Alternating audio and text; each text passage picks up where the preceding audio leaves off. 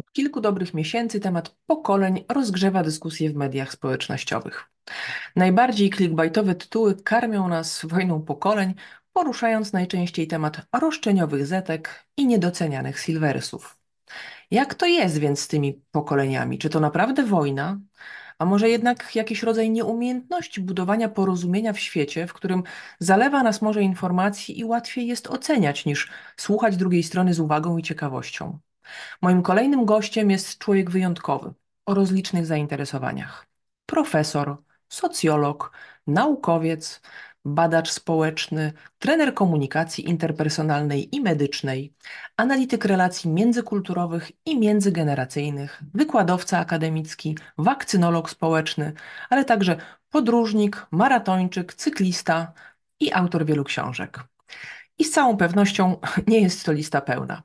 Z panem profesorem Tomaszem Sobierajskim rozmawiamy m.in. o wojnie pokoleń, o budowaniu relacji, tych ze sobą, ale także tych międzypokoleniowych, o tym, czy pokolenia chcą się od siebie uczyć i czy płynie z tego jakaś wartość, o doświadczeniach ze stereotypami.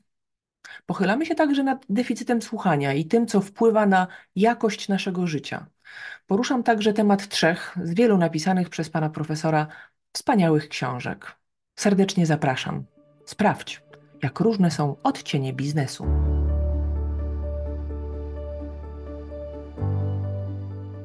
Dzień dobry, witam w kolejnych odcieniach biznesu. Dziś moim gościem jest profesor Tomasz Sobierajski, socjolog, trener komunikacji interpersonalnej i medycznej, analityk relacji międzykulturowych i międzygeneracyjnych, wykładowca akademicki i dorzucę jeszcze maratończyk, bo sport chyba ma dość duże znaczenie w Pana życiu, biorąc pod uwagę kilka dyscyplin, o których wiem, że, że się Pan w nich e, lubuje, że tak powiem. Dzień dobry, Panie Profesorze. Dzień dobry, bardzo dziękuję za tak wspaniałe przedstawienie, dziękuję za zaproszenie. Cieszę się, że, e, że mogę tu być, bo mogę Państwu zdradzić też, że ten podcast jest również e, podcastem, którego, z których treści, tu, które są na tym podcaście, również stanowią podstawę moich zajęć ze studentami, więc bardzo miło mi być e, tym bardziej, a ta kwestia maratończyka i maratonów jest dla mnie rzeczywiście bardzo ważna. Myślę, że akurat w kontekście biznesu ona też ma bardzo duże znaczenie, bo e, czasem warto się uzbroić w te cechy maratończyka, nie poddawać się łatwo. Czasem biznes to jest bardzo długi dystans, który trzeba przebiec wykańczający, żeby potem na końcu mieć jakiś sukces. To prawda, ja się z tym zgadzam. Wprawdzie maratonu jeszcze nie przebiegłam, ale regularnie biegam i traktuję to chyba raczej jako mm, rozrywkę i czyszczenie głowy. To znaczy taki czas, kiedy ja akurat nie słucham żadnej muzyki, nie mam ze sobą telefonu, jestem sama dla siebie, więc bardzo lubię ten czas. To jest taka godzina raz na dwa dni, więc e, bardziej sportowo to traktuję takie utrzymanie kondycji. Ale... A to jest, tu wejdę w słowo, przepraszam, bo to jest akurat bardzo ciekawe, bo ja, mam, bo ja mam podobnie, ale ostatnio usłyszałem y, kogoś, kto powiedział, że nie biega i nie znosi biegać właśnie z tego powodu, że to jest ten moment, kiedy jest sam ze sobą, ze swoimi myślami i nie potrafi tego znieść. I nie potrafi tego wytrzymać. To ja, to, y, ja tego doświadcza, doświadczałam kiedyś w saunie, jak korzystałam z takiej sauny mm, y, warszawskiej. Jest takie miejsce na ulicy Dzikiej, wyremontowane, piękne. E, i swego czasu jeździłam tam w okolicach lunchu i przychodził tam regularnie pan, który e, albo siedział w saunie i e, poruszał nogą, co było niezwykle irytujące dla kogoś, kto przyszedł się tam wyciszyć, ale też wchodził w interakcję i pytał, czy możemy sobie porozmawiać, bo on wyszedł i jest właśnie w takiej przerwie lunchowej, chciał się zrelaksować, natomiast jego myśli go męczą.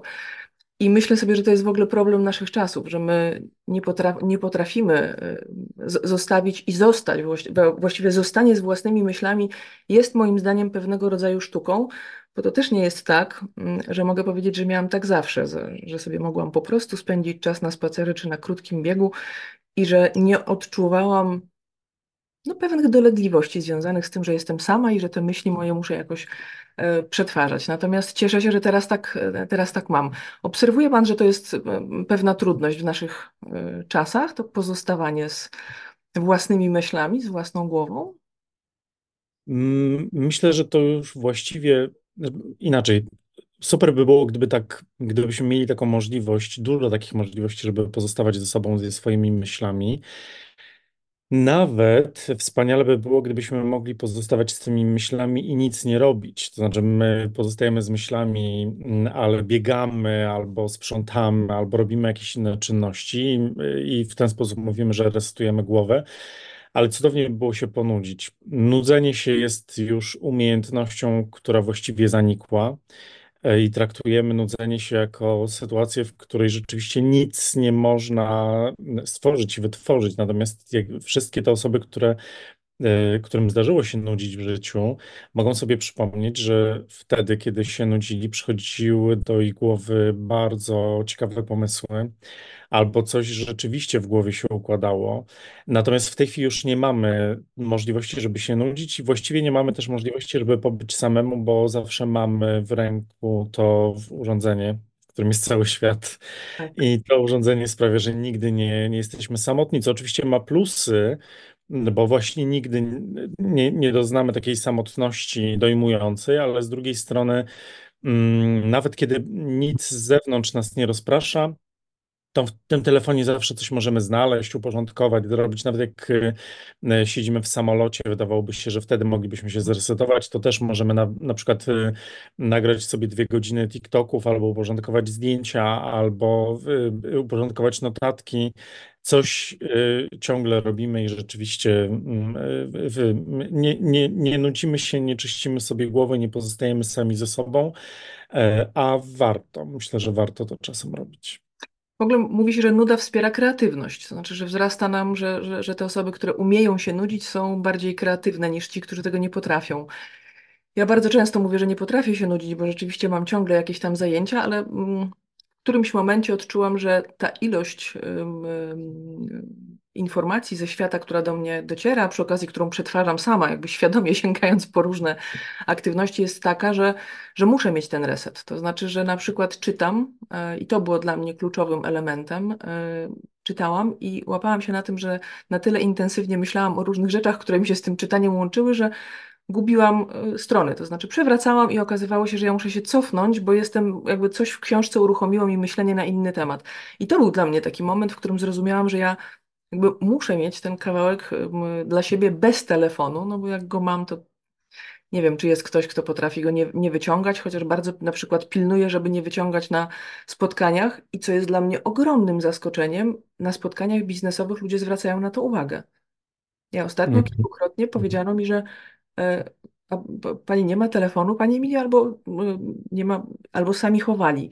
Więc ja widzę, że to jest coś takiego, na co my zaczynamy zwracać, zwracać uwagę ze względu na relacje, no bo trudno mi sobie wyobrazić, że ja siedzę z panem, rozmawiam, chociaż pewnie e, fajniej by było, gdybyśmy mogli sobie popatrzeć wprost w oczy, no bo tutaj mamy ekrany, ale jest ten element, który obserwuję bardzo często, że ten telefon towarzyszy nam nawet jak siedzimy we dwoje.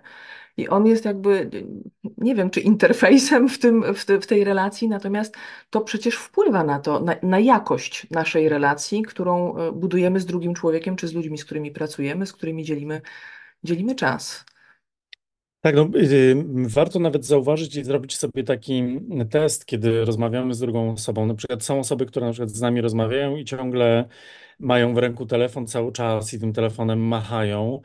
I kiedy ja na przykład teraz z panią bym tak rozmawiał, to, to u pani zawsze cały czas będzie się pojawiało wrażenie, no tak, on za chwilę ten telefon odbierze, albo czeka na jakąś Tak. wiadomość, albo, albo no, cały czas ten telefon jest między nami nie ma relacji. Nawet jeśli ten telefon leży na stoliku, to też jest tak, jakby on był na podorędziu, tak jak my byśmy byli w tej relacji, w tym spotkaniu w, tylko na chwilę, więc nawet wiem, że być może jest takie, mm, takie przekonanie, że jak jesteśmy szczególnie na spotkaniu biznesowym, to dobrze te telefony mieć na na biurku, bo wtedy może, znaczy na, na, na stoliku, bo wtedy może jest, dajemy taki sygnał, jesteśmy bardzo zajęci, Mhm. rozrywani, to za chwilę może przyjść ważny telefon. Natomiast z punktu widzenia nie, nie tylko w, savoir vivre, bo to, to odstawiam, znaczy nie odstawiam, bo, bo jest to szalenie ważne, ale mam wrażenie, że coraz mniej osób się tym przejmuje. Natomiast z punktu widzenia nawet takiego biznesowego, to, że te, na przykład ustalam z kimś coś ważnego, ale na stole leży telefon. No i teraz jest kwestia tego, że, yy, no, że niby ta osoba jest ze mną, ale ten telefon nam przeszkadza, więc jeśli ustalamy coś ważnego, to warto ten telefon schować. A z drugiej strony też pamiętajmy o tym, że często w nasz, kiedy spotykamy się z kimś na, na rozmowę w kwestiach biznesowych, to czasami są to bardzo mm, w rzeczy, które są, wymagają dyskrecji albo tego, żeby coś nie wyszło poza to nasze spotkanie albo poza to miejsce, w którym się spotykamy. Natomiast telefon na biurku to jest telefon na przykład, który może nagrywać i widzę, że coraz więcej ludzi ma na ten temat mm, różne różne e, bolączki, co, co nie dziwne, jak się okazuje. Więc y, dla szacunku dla naszej partnerki, partnera biznesowego, Mhm. kiedy omawiamy ważne sprawy, warto ten telefon y, schować, odłożyć, bo jeśli dla nas ta, to spotkanie jest ważne, ta sprawa jest ważna i domknięcie Mhm. tego biznesu jest ważne, to znaczy, że nic nie powinno być ważniejsze od, od tego. Prawda? I co więcej, e, bo to jest też temat, który chciałabym, żebyśmy poruszyli, tutaj nie ma znaczenia e, w zasadzie pokolenie, bo dorośli ludzie, którzy funkcjonują w pracy, mam na myśli tutaj pokolenie baby boomersów, Xów czy Zetek, które już przecież z nami pracują, tu właściwie w każdym pokoleniu ten temat telefonu wygląda dość podobnie. I to jest dość ciekawe zjawisko, no bo my tak międzypokoleniowo lubimy się e, obarczać różnymi błędami pokoleniowymi E, i raczej jest to, mówi się raczej o woj- wojnie pokoleń, a nie o porozumieniu, trochę wbrew temu, o czym e, pisał Pan e, w książce, a ten telefon rzeczywiście towarzyszy wszystkim pokoleniom, zarówno w relacjach biznesowych, jak i relacjach, relacjach tych takich koleżeńskich, prywatnych.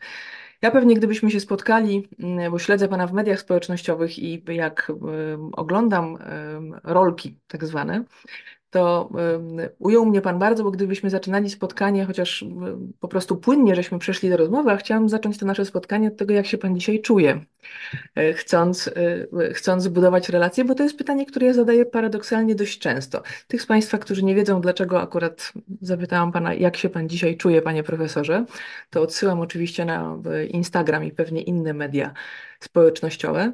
E, No właśnie, to, to jak to jest dzisiaj, Panie Profesorze? W jakim, w jakiej Pan jest formie? Bardzo dziękuję, dzisiaj się czuję luksusowo.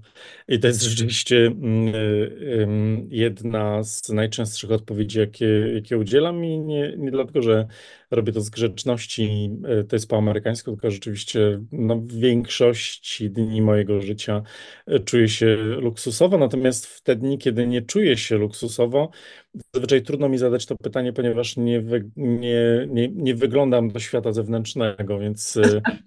Mm, to Więc fajne. mam, można powiedzieć, że, że jest, że jest pewien, pewien konstans, ale, ale bardzo dziękuję za, y, w- za to pytanie. A pani jak się czuje dzisiaj?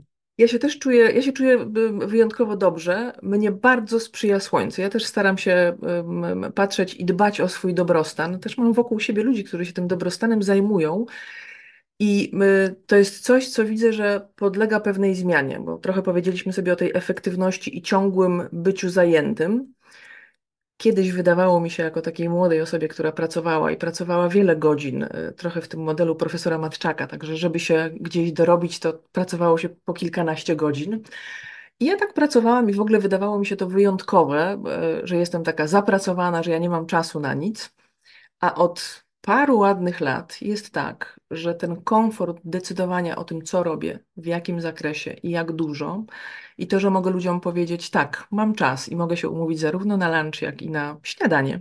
Możemy sobie porozmawiać, tylko to jest kwestia dogrania e, daty, i że mam taki komfort czytania książek ze zrozumieniem, e, to muszę powiedzieć, że to jest coś takiego, co sprawia mi ogromną radość. Moja mama nawet przez długi czas nie wierzyła i mówiła, czy ty kiedyś przestajesz pracować? Ja mówię, wiesz, ale ja w sumie kocham swoją pracę.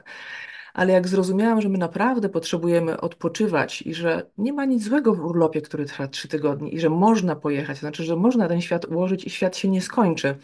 Tutaj z kolei przypomina mi się legenda pięciu piłeczek, o której Pan mówił również na, na, na, na Instagramie. Zachęcam bardzo serdecznie, żeby przede wszystkim tych, którzy cały czas uważają, że są niezastąpieni w pracy, ja już, ja już się tak nie czuję zupełnie. E, I, i, I o tych piłeczkach, jak sobie posłuchałam, to pomyślałam sobie, tak, to jest taka historia, która towarzyszyła mi przez większość życia. A teraz ten komfort bycia po prostu e, e, w zgodzie ze sobą i robienia rzeczy, które uważam za ważne i słuszne, powoduje, że ja się po prostu czuję ze sobą dobrze i o ten swój dobrostan prostu dbam. Jest Pan autorem kilku książek. Ja będę chciała nawiązać dzisiaj do trzech. Jedna stoi za Panem i to jest wspaniała książka, której napisałam również na LinkedInie i tak, to są pokolenia. Ja mam je tutaj pod, pod, mam je tutaj pod, pod ręką. Fantastyczna książka i serdecznie polecam. Zresztą też wiele osób pod, pod, pod moim postem się uruchomiło i pisało, że już zamówiłem, będę, będę czytać i też później pisały do mnie o tej e, książce, dziękując za polecenie. Chciałem trochę porozmawiać z Panem o tych pokoleniach, ale jestem niezwykle ciekawa, skąd w ogóle pomysł na tą książkę, bo mm, książki zazwyczaj powstają w jakimś celu albo jakimś takim osobistym celu mm, e, autora. Mam wrażenie, że ta książka powstaje w takim momencie, kiedy my zaczynamy rozmawiać o różnych pokoleniach, przede wszystkim o pokoleniu Silversów ale też o zetkach, czyli o tych pokoleniach, które są na razie tak na skrajach, no bo w Pana książce również zaznaczone są alfy, które są jeszcze sporym znakiem zapytania. Skąd pomysł na książkę i po co żeście Państwo, bo współautorką jest Pani Magda e, Kuszewska, prowadzi w tej książce fantastyczne rozmowy z ludźmi z różnych pokoleń. Skąd żeście mieli, skąd Państwo e, mieli taki pomysł i po co ta książka powstała? No, przede wszystkim ta książka, bardzo słusznie pani zauważyła, że, że zazwyczaj książki powstają z, jak, z jakichś osobistych um, pobudek i tu, tu nie było inaczej. Um, ta książka powstała z niezgody y, związanej z tym, o czym też pani wcześniej wspomniała, konfliktu, czy nawet wojny pokoleń, mhm. czyli czegoś, y, w czym się bardzo rozpędziliśmy, nie zdając sobie sprawy z tego, że jeśli dalej będziemy brnąć w tę narrację, to nic dobrego z tego nie przyjdzie dla żadnego pokolenia. Mhm. I zależało mi na tym, żeby pokazać, jak te mm, pokolenia, z którymi mamy do czynienia, właściwie to jest siedem ciągle żyjących pokoleń i pięć pokoleń, które mm, są aktywne zawodowo jeszcze ciągle, mm, mogą ze sobą się porozumieć, jak one były kształtowane przez lata. Zależało mi też na, również na tym, bo o ile w przypadku pokoleń mamy kilka bardzo dobrych, dobrych e, publikacji amerykańskich, to jeśli chodzi o publikacje polskie, tego nie ma. Natomiast przekładanie e, jeden do jeden tego, e, co kształtowało chociażby wspomnianych już baby boomersów, czy pokolenie X w Stanach Zjednoczonych, a jak to, a jak te pokolenia były kształtowane w Polsce, to są po prostu dwie różne sprawy. To znaczy, ostatnio ktoś mi przypomniał, że jeśli chodzi na przykład o lata 50. i o pracę, która była wykonywana, to ktoś mi przypomniał, no tak, w Stanach to był serial um, Mad Men, ten, ten słynny serial, gdzie mhm. rzeczywiście no, tam już były um, piękne biura, ten kapitalizm się rozpędzał, natomiast u nas no to, to była ogromna bieda. No, zupełnie inne warunki kształtowały tutaj baby boomersów czy pokolenie X i zupełnie inne warunki w, w Stanach Zjednoczonych, więc nie można tego porównać. I zależało mi na tym, żeby, żeby odwołać się do, do tych kwestii.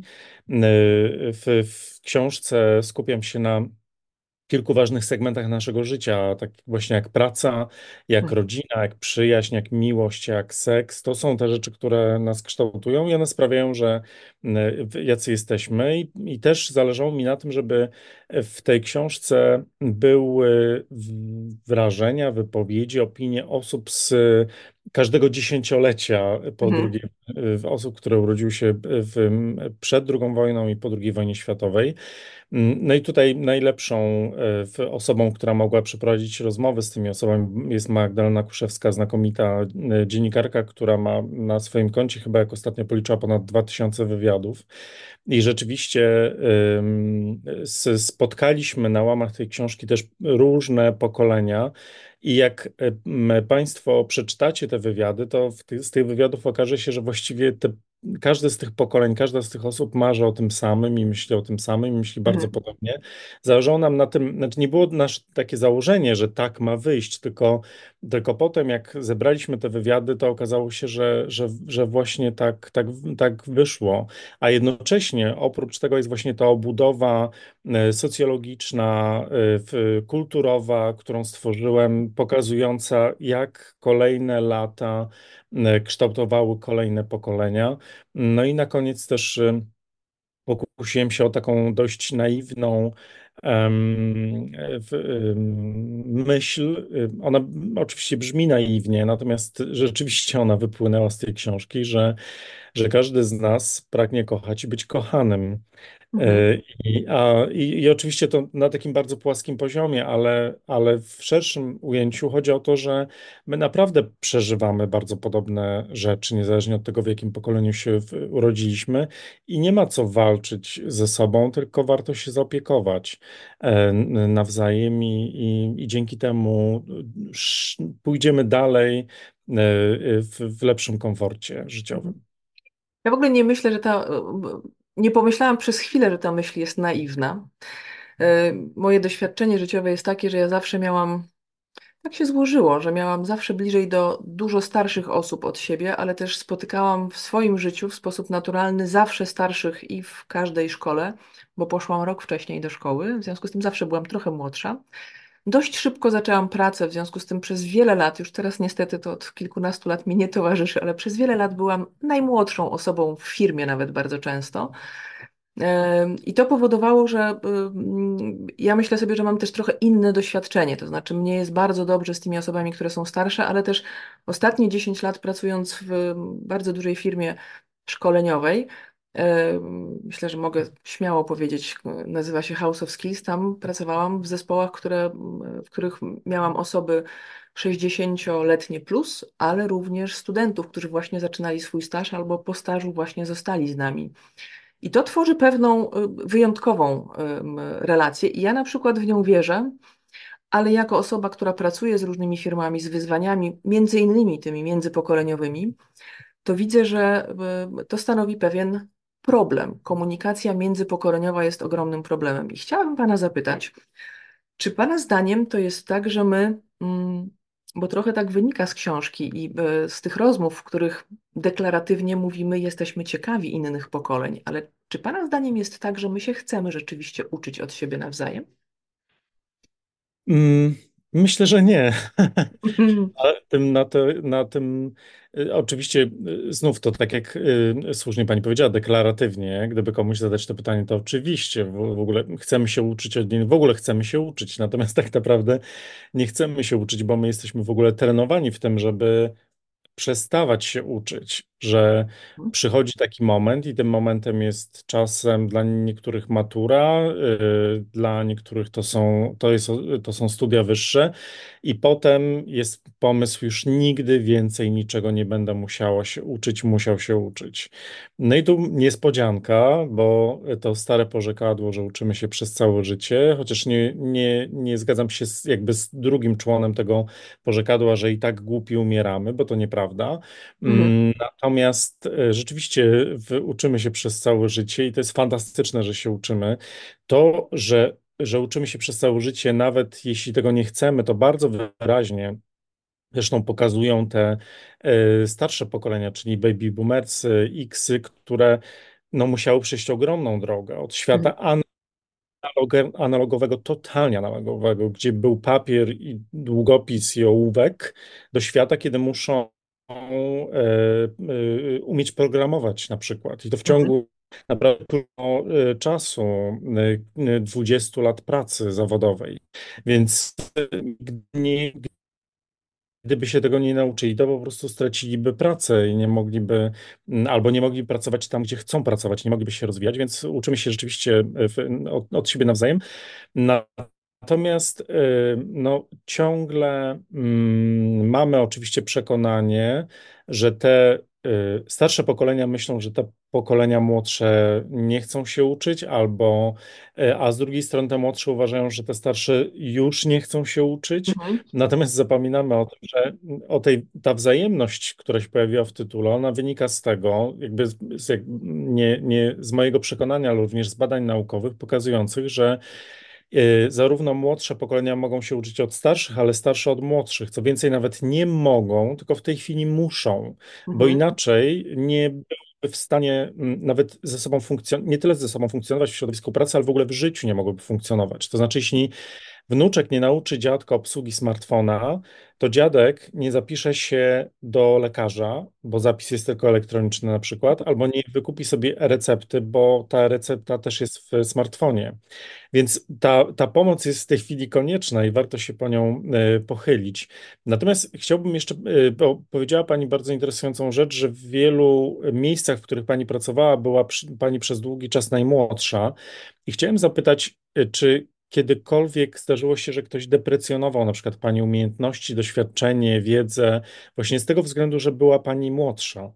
Powiem tak, to się zdarzało, ale myślę sobie, że ten aspekt y, istotny jest również mojej płci, bo ja przez 15 lat No tak. pracowałam w logistyce.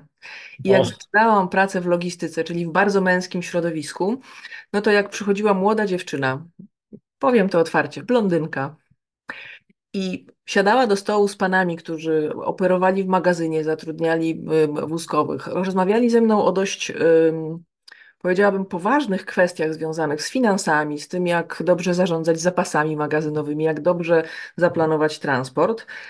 Tak się złożyło, że po filologii polskiej, która jest moim pierwszym, e, to, to są moje pierwsze studia, trafiłam właśnie do takiej pracy którą bardzo lubiłam, to ja musiałam włożyć, myślę, że dużo więcej pracy i za mm, takiego swojego osobistego zaangażowania, żeby być partnerem do dyskusji. Natomiast jak myślę o tym, tak z perspektywy nawet czasu, to ja z jakiegoś powodu tam 15 lat pracowałam i myślę też, że to jest w ogóle bardzo dobry czas mojej pracy. Ja pracowałam w trzech dużych korporacjach i nie było to jakieś dojmujące. Myślę sobie, że ja nadrabiałam też chyba merytoryką, takim tym elementem, który jak się okazywało, że można ze mną pogadać i to o tych rzeczach, które są dla nich istotne, to, to tak, natomiast pamiętam te uśmiechy, jak wchodziłam na spotkanie, na którym głównie byli mężczyźni.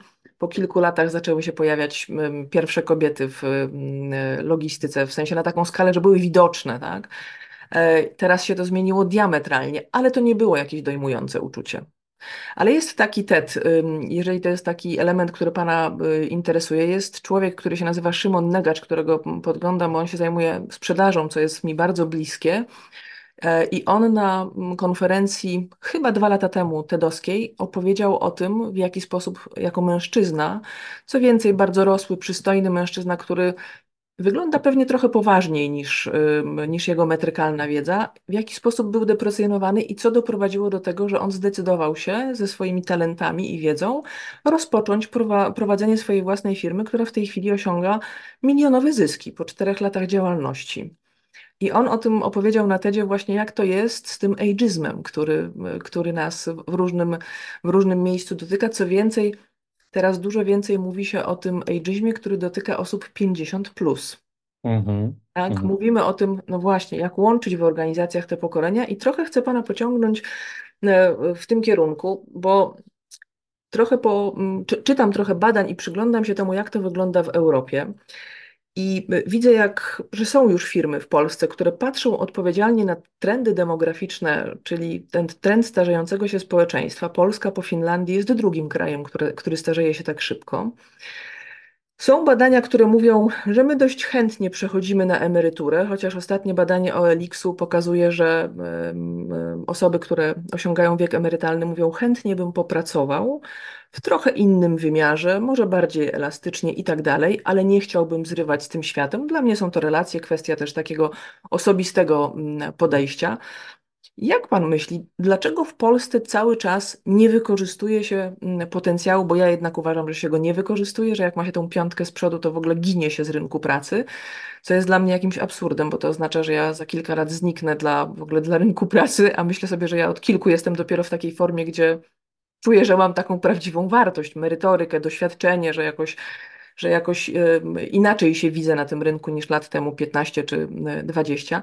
Skąd takie marne wykorzystanie potencjału pracowników 50, plus, ale też emerytów, bo my cały czas za chwilę będziemy musieli, zaryzykuję to stwierdzenie, ale firmy będą zmuszone robić wszystko, żeby te osoby, które chcą e, albo nawet nie chcą, zatrzymywać w organizacji no bo statystyki y, i GUS, który pokazuje nam, jak to y, wygląda, od 2017 przecinają się te linie, nie będzie nas więcej. To znaczy, tutaj z tym trendem nie zrobimy nic do tyłu. Po prostu jest nas ile jest.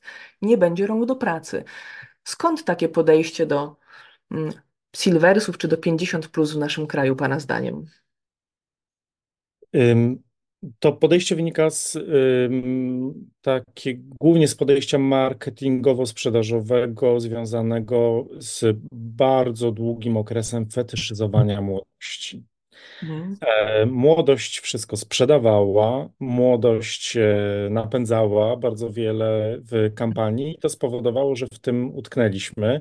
I nagle te osoby, które mm, tworzyły te kampanie, były młode, właśnie już mają powyżej 50 lat albo nawet już 60 lat i zorientowały się, że trochę ukręciły bicz na siebie.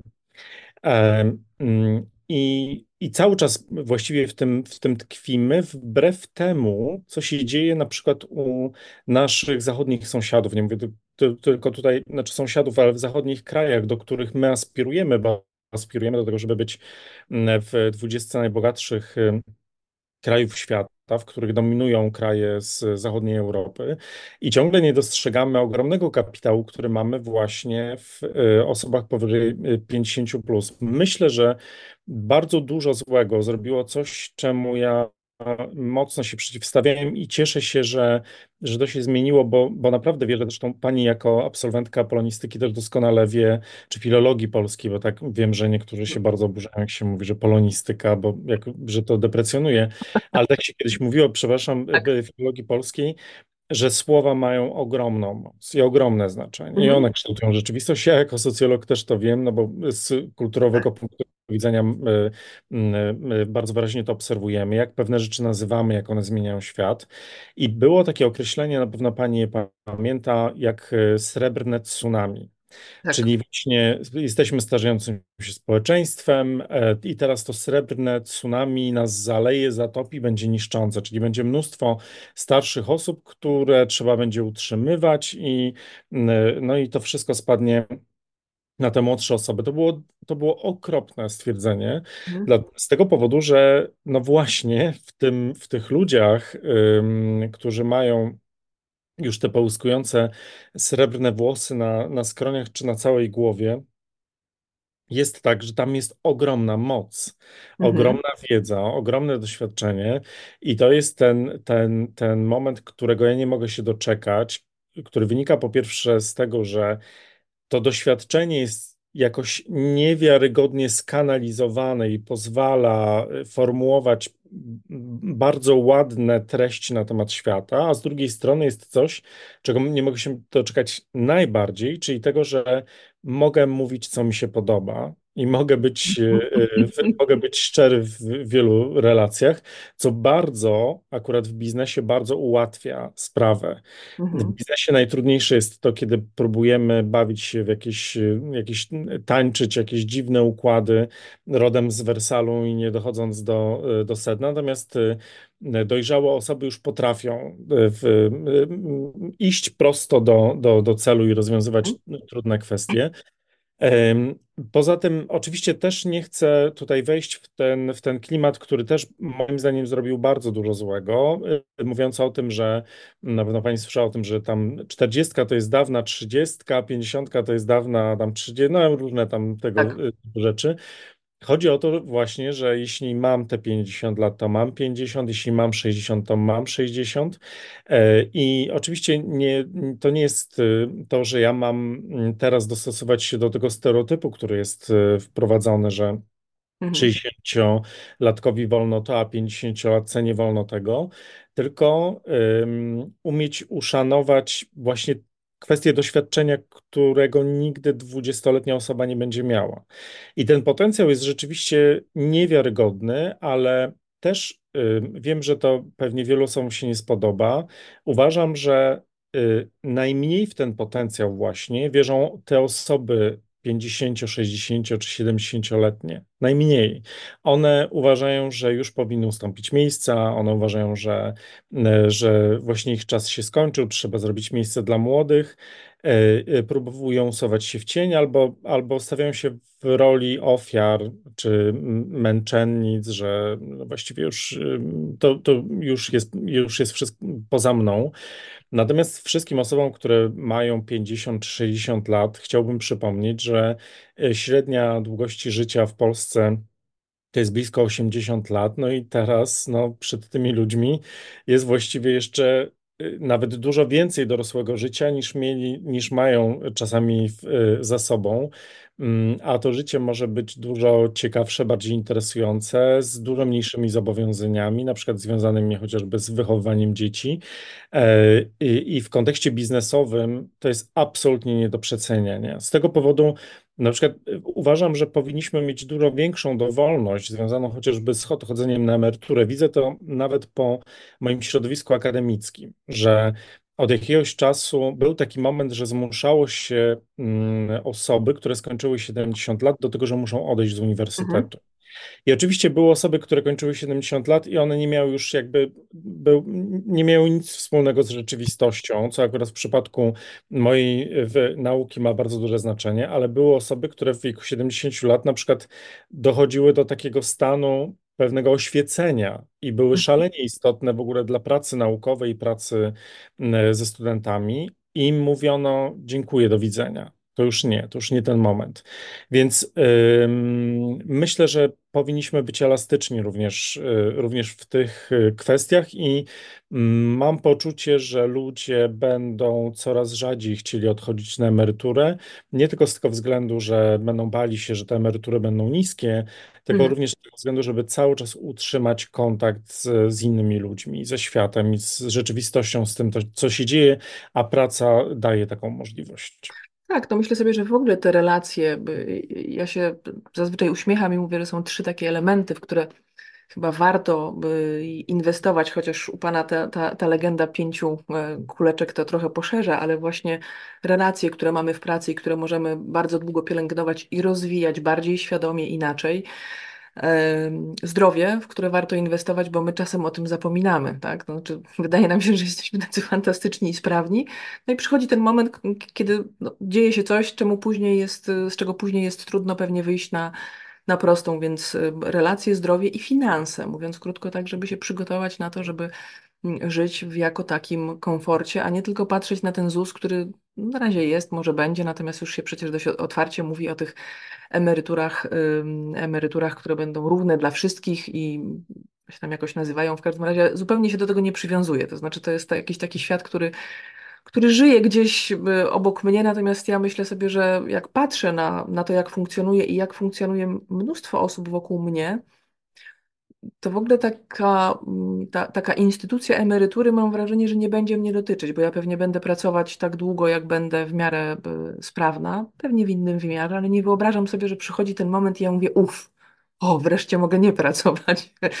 Więc to też chyba jest pe pe percepcja, natomiast nas nigdy do tego życia e, późniejszego i dłuższego nie przygotowuje. No nie ma żadnej edukacji w naszym, e, w naszym kraju w tym e, zakresie. Myśli pan, że AI, o którym tak dużo się teraz mówi, jakoś wpłynie na to? No bo mówimy też, że może wpłynąć na migrację, w ogóle na zapotrzebowanie mm, na pracowników, ale czy wpłynie też na te elementy międzypokoleniowe i to, w jaki sposób będziemy pracować?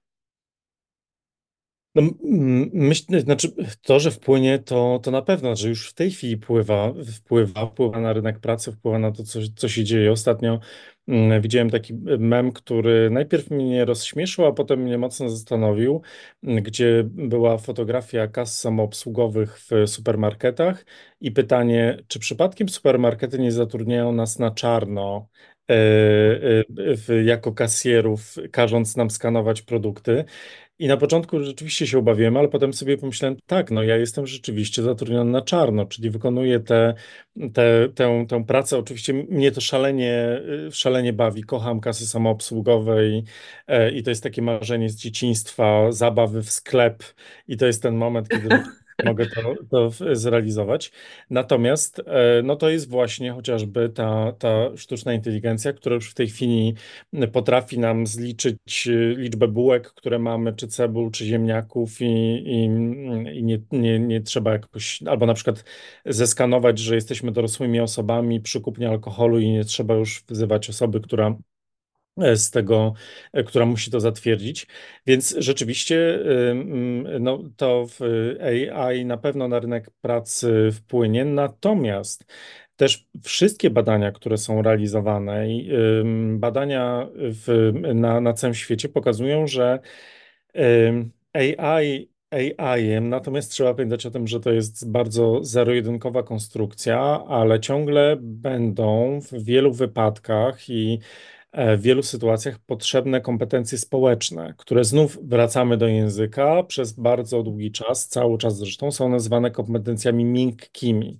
Jeśli się słyszy, że ktoś jest świetny w kompetencjach miękkich, to w ogóle no, jest świetny w, w niczym, no bo w czymś właśnie takim nie, nie, nieznaczącym. Mm, Natomiast y, mm, te kompetencje społeczne mają ogromne znaczenie, bo nawet jeśli zbudujemy jakąś, y, no w biznesie wiadomo, że chodzi o to, żeby coś komuś sprzedać, i jeśli nie będziemy tych umiejętności społecznych mieć, to nigdy tego nie zrobimy. Nawet jeśli ten produkt wytworzy nam e, sztuczna inteligencja, to jednak potem gdzieś spotyka się człowiek z człowiekiem i, e, i prze, musi przekonać jedną osobę do tego, żeby kupiła, a ta, mm, a ta druga osoba też musi przekonać tamtą, żeby jednak jej sprzedała za, Mhm. za dużo korzystniejszą cenę. Więc tego y, sztuczna inteligencja nie załatwi w szybkim czasie. Nie wiem, nie, nie jestem futurologiem, nie chcę wybiegać w to, co będzie za 20 lat czy, czy 30, ale też nie nie demonizowałbym tej sztucznej inteligencji, y, bo, mm, no bo y, zobaczymy, jak rzeczywiście Mhm. Będziemy generalnie też y, poszliśmy, jeśli chodzi o tą sztuczną inteligencję, w sytuacji, kiedy straszymy nią. Jest parę osób, które tak y, robią taki tour po mediach społecznościowych, opowiadając, jak to w, y, łącznie z, y, ze słynnym myślicielem Hararim, który y, kompletnie nie rozumie tego świata, który się dzieje wokół niego i opowiada, że to nas zniszczy.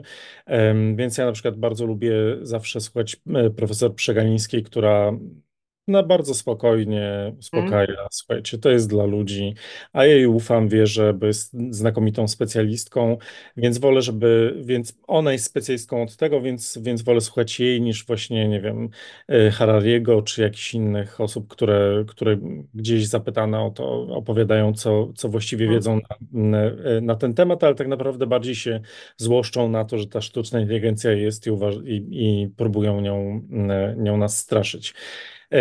Więc to i znów tutaj jakby te elementy z tymi kompetencjami społecznymi łączą się z wiekiem, bo mam wrażenie, że też te osoby, które mają większe doświadczenie za sobą, siłą rzeczy żyjąc dłużej, też te kompetencje społeczne mają bardziej, w, mogą mieć przynajmniej bardziej ugruntowane.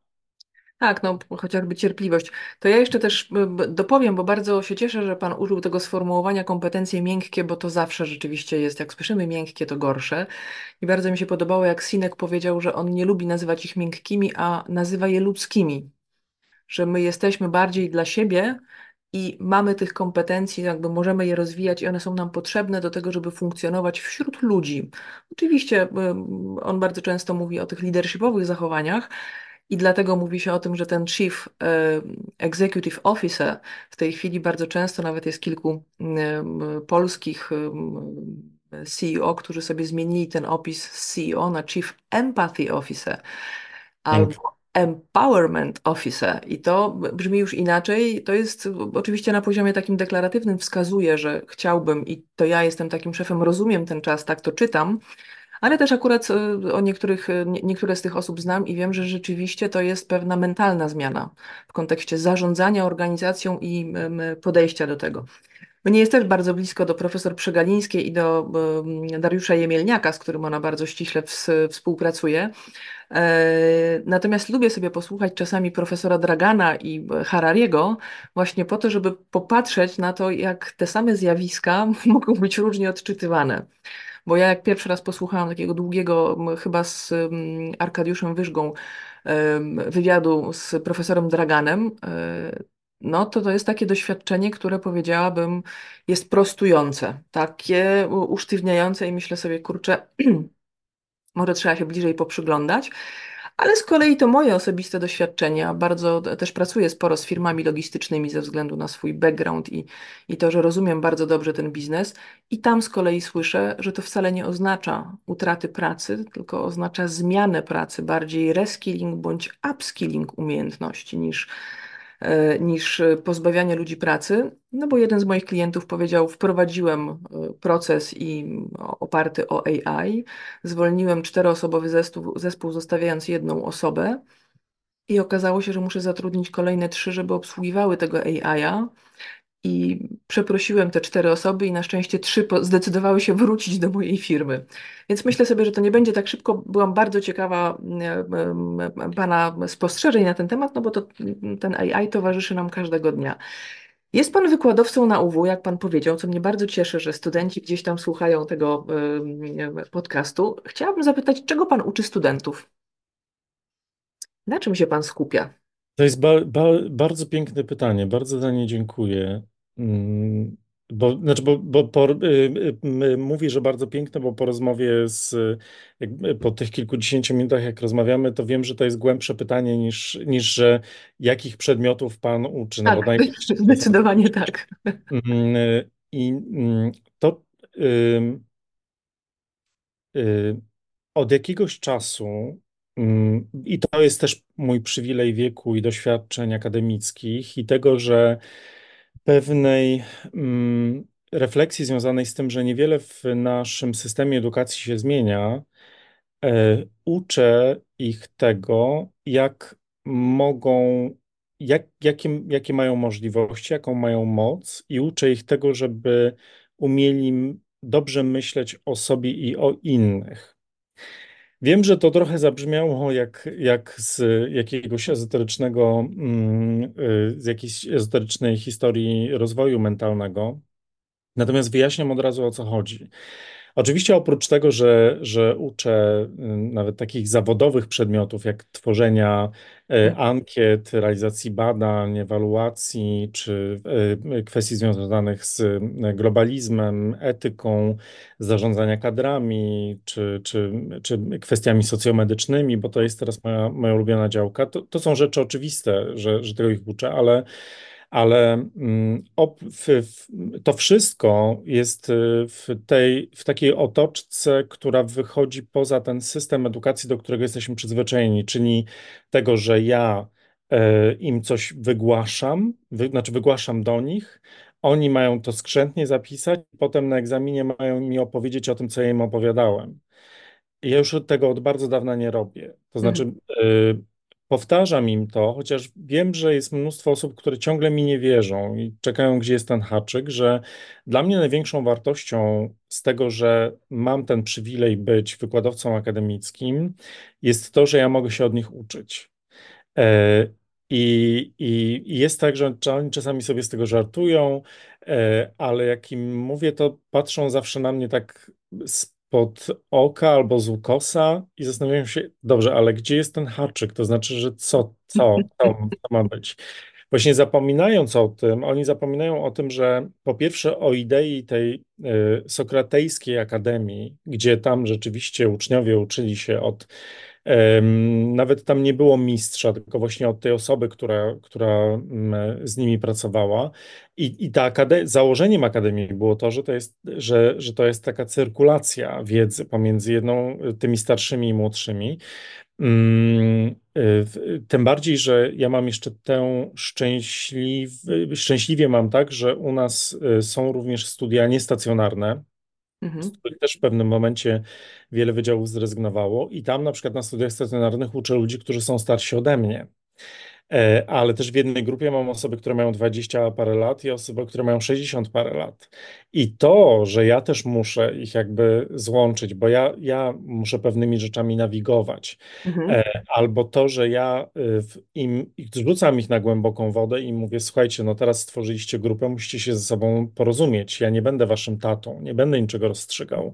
I to też jest, to też jest nauka, ale tutaj jak wracamy do kwestii pracy w grupie, to też bardzo zależy mi na tym, żeby uczyć ich tego, jak wygląda przyszłe dorosłe zawodowe życie. Mhm. Ponieważ y, w zawodowym życiu, jak pani bardzo dobrze wie, i większość osób, które słucha tego podcastu zapewne, albo, albo nawet wszyscy, zawodowe życie polega na tym, że trzeba nieustannie pracować w grupie z kimś na różnych pozycjach, czasem lidera, liderki, czasem osoby, która jest zupełnie gdzieś na szarym końcu. E, Te grupy się zmieniają, te osoby się zmieniają, w związku z czym e, mm, moi studenci pracują w grupach. E, Uczą się tego, jak ze sobą się porozumieć, jak rozłożyć zadania, jak wykonać to w określonym czasie, jak potem wziąć odpowiedzialność za to, co się udało i co się nie udało. Mhm. E, I, mm, no i tutaj jest, to jest ten element, którego od bardzo, już od, naprawdę od, od dobrych, y, myślę, że 10 lat nie odpuszczam, że ta Mhm. praca w grupie jest bardzo ważna, chociaż pamiętam, raz był, miałem y, rocznik, była grupa ćwiczeniowa, to jest grupa ćwiczeniowa, która ma na przykład tam, nie wiem, od 30 nawet do 60 osób. Takie warunki też również y, są. I są podzieleni na grupy pięcioosobowe. I pamiętam Mhm. y, chyba 6 czy 7 lat temu była grupa, która postanowiła, że ona się, oni się nie podzielą sami, że ja mam wyznaczyć, kto będzie w której grupie i wtedy oni, ja, ja się uparłem, bo, bo dla mnie to było, jakby dla mnie to był upokarzający powrót do szkoły podstawowej, której oni oczekiwali, bo Mhm. tak byli wychowywani, że ja wrócę do szkoły podstawowej i powiem, Ania, Piotrek, Grześ i, y, i Kasia będą w tej grupie, a tamci, będą- to było absurdalne. I jeszcze, jeszcze potem oczekiwali ode mnie, że wybiorę te grupy, to wyznaczę liderkę albo lidera tej grupy i potem to będzie tak, tak działało. I oni, ja powiedziałem, że słuchajcie, ja nie zrobię tego, musicie to zrobić sami. No i zajęło nam sześć zajęć, aż oni konstytuowali te grupy, bo, bo zobaczyli, że jednak nie ustąpię. Ale potem wiem, że y, są mi bardzo wdzięczni za to, że nauczyłem ich tej pracy grupowej, która czasami może być niewdzięczna, ale niestety zawodowe życie tak, tak wygląda, tak, tak, tak funkcjonuje, więc też pracując w tych grupach jednocześnie podkreślam, mówię na przykład, jeśli mówicie o e, swoich projektach, to mówcie, najpierw opowiedzcie mi, co wam się udało, co było dobre, a potem opowiedzcie mi właśnie o problemach, które was spotkały Mhm. rozwiązywaliście. Em, na przykład ostatnio robiliśmy w jednej z grup y, ćwiczenia, w ramach ćwiczeń zrobiliśmy analizę mediów społecznościowych jednej z dużych fundacji, y, która działa w systemie edukacji, bo też bardzo mi zależy na tym, żeby te prace, które wykonują y, zadaniowe, ćwiczeniowe studenci, były wspierające dla, często dla organizacji pozarządowych albo na przykład dla mm, różnych samorządowych ym, w, w oddziałów czy, czy grup, bo uważam, że w związku z tym, że podatnicy płacą na kształcenie moich studentów, to dobrze by było, żeby oni mogli również oddać swoją pracę na rzecz, na rzecz podatników. I y, w, y, w pracy z jedną z fundacji przedstawiliśmy te wyniki e, tego naszego badania i okazało się, i, ja pamiętam, że pracowaliśmy nad tym i zwracałem moim studentkom i studentom uwagę, pamiętajcie, nie mówcie o błędach, które są tam popełnione, tylko mówcie o tym, co jest dobrze i mówcie o tym, co być może wymagałoby zmiany i warto przemyśleć. I rzeczywiście te, te tam 20 osób, które prezentowało tą, tę prezentację, zwracało na to uwagę, bardzo chwalili, ale jednocześnie mówili o tych rozwiązaniach. I na koniec, kiedy to, to wszystko się skończyło, jedna z pań, która e, e, z fundacji mówi, mm, tak, bardzo, to było rzeczywiście świetne, bardzo Wam dziękujemy za wszystkie błędy, które nam wytknęliście. I widziałem uśmiechy na, na, na, w, twarzach e, moich studentek i studentów, bo oni przeszli tę moją szkołę, jeśli mogę tak to powiedzieć, że oni oni nie mówili o błędach. Natomiast tamta osoba, która tej szkoły nie przeszła, postrzegała te to wskazania na rozwiązania, które można wdrożyć, jako błędy. Mhm. Czyli, czyli właśnie w ramach tego starego systemu edukacji. Więc yy, uczę ich tego, żeby, żeby właśnie lepiej patrzyli na świat i na siebie. Mhm. To jest też niezwykle ciekawe i myślę, że ogromnie wartościowe, bo są badania i firmy szkoleniowe, w tym ta firma, w której ja pracowałam, ale też inne, które publikują rokrocznie y, coś w rodzaju takich raportów kompetencji, które będą istotne, jakby, które warto rozwijać. I w ubiegłym roku y, tą kompetencją była, uwaga, komunikacja. Większość firm, a w raporcie, na który się teraz powołuję, było przebadanych 600 chyba 30 firm, komunikacja była na pierwszym miejscu. Myślę, że to był efekt ten popandemiczny, gdzie my żeśmy po pierwsze przyjmowali do tych zespołów osoby, które wdrażały się zdalnie, czyli znaliśmy te osoby, z którymi później musieliśmy pracować tak jak my żeśmy się teraz poznali w tej formule, czyli tylko przez y, ekran komputera. Musiały wchodzić w projekty, mieć interakcje z tymi ludźmi, docierać się, wdrażać, zrozumieć organizację, dotrzeć się z ludźmi i jeszcze funkcjonować, realizować pewne cele. Natomiast ten rok wcale nie jest dużo inny. W tym roku też kwestie związane z komunikacją, z budowaniem relacji, czyli mm, to też, o czym Pan powiedział, ta miękkość cała, czy ta ludzkość cały czas wyprzedza technologię i to są te rzeczy, które są istotne.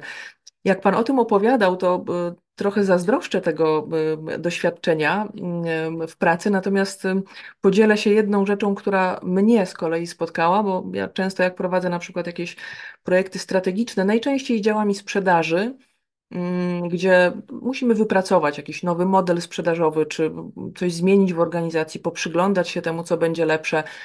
Szczególnie w pandemii e, kilka takich projektów prowadziłam i teraz też. Mm, Ja z kolei, jak powiedziałam, że mają się podzielić na były g- r- osoby z różnych pokoleń, to młode pokolenie powiedziało, że oni nie będą się dzielić, tylko oni się połączą w grupy. Och, A piękne. Kupuję, propos kupuję A, to. Tak, a Mhm.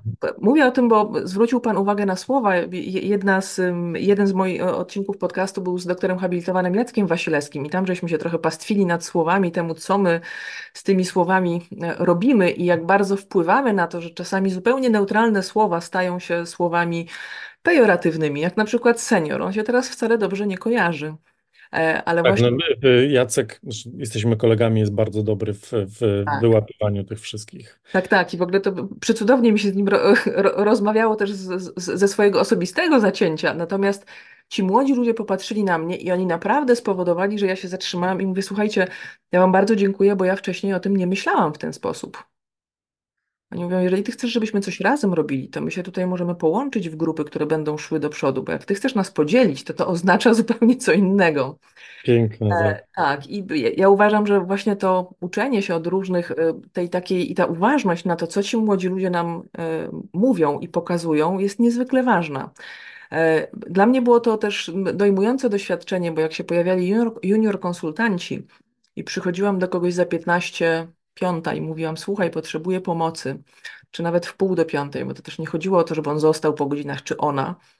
E, I on patrzył na zegarek i mówi, przepraszam, mam dzisiaj CrossFit, więc b- dzisiaj już wychodzę.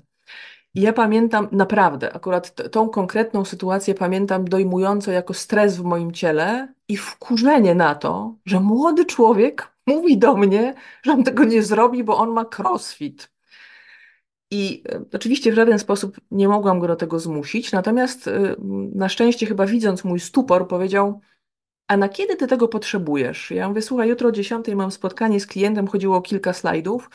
Ja mówię, chciałabym to po prostu przedstawić graficznie, nie mam czasu, oni bardzo nam pomagali, też wchodzili w te mer- merytoryczne kwestie i, i on mówi, słuchaj, jak na dziesiątą, to ja jutro przyjdę koło dziewiątej i ja ci to zrobię. Czy to jest dla ciebie ok? I ja mówię, no tylko żebym miała z pięć minut, żeby na to zerknąć. To ciśnienie mi zeszło, ale to właśnie od nich. Nauczyłam się tego, że ja nie muszę być zawsze dostępna że ja naprawdę nie muszę mieć zatkanego po uszy kalendarza i to o niczym dobrym nie świadczy. To świadczy o tym, że ja nie dbam o swoich bliskich, o siebie, o zdrowie i tak dalej. Więc ja jestem tym młodym osobom, które wchodzą na rynek pracy, na które patrzymy i mówimy, że są tak strasznie roszczeniowe. Bardzo, bardzo im za to dziękuję, ale też uważam, że oni mają po prostu inną wrażliwość i inaczej podchodzą do wartości, o których w zasadzie my mówimy, jak patrzę na różne organizacje, od kilku lat w ogóle w pracy zaczynamy dzielić się swoimi wartościami i mówić, co to dla nas oznacza. Bo to, że ja powiem, że moją wartością jest wolność, to myślę sobie, że moja wolność i tego młodego pokolenia wolność to są dwie różne wolności, inaczej je definiujemy. Ale to też tak pomyślałam sobie, że to powiem, bo ci młodzi ludzie są bardzo, e, bardzo uważni.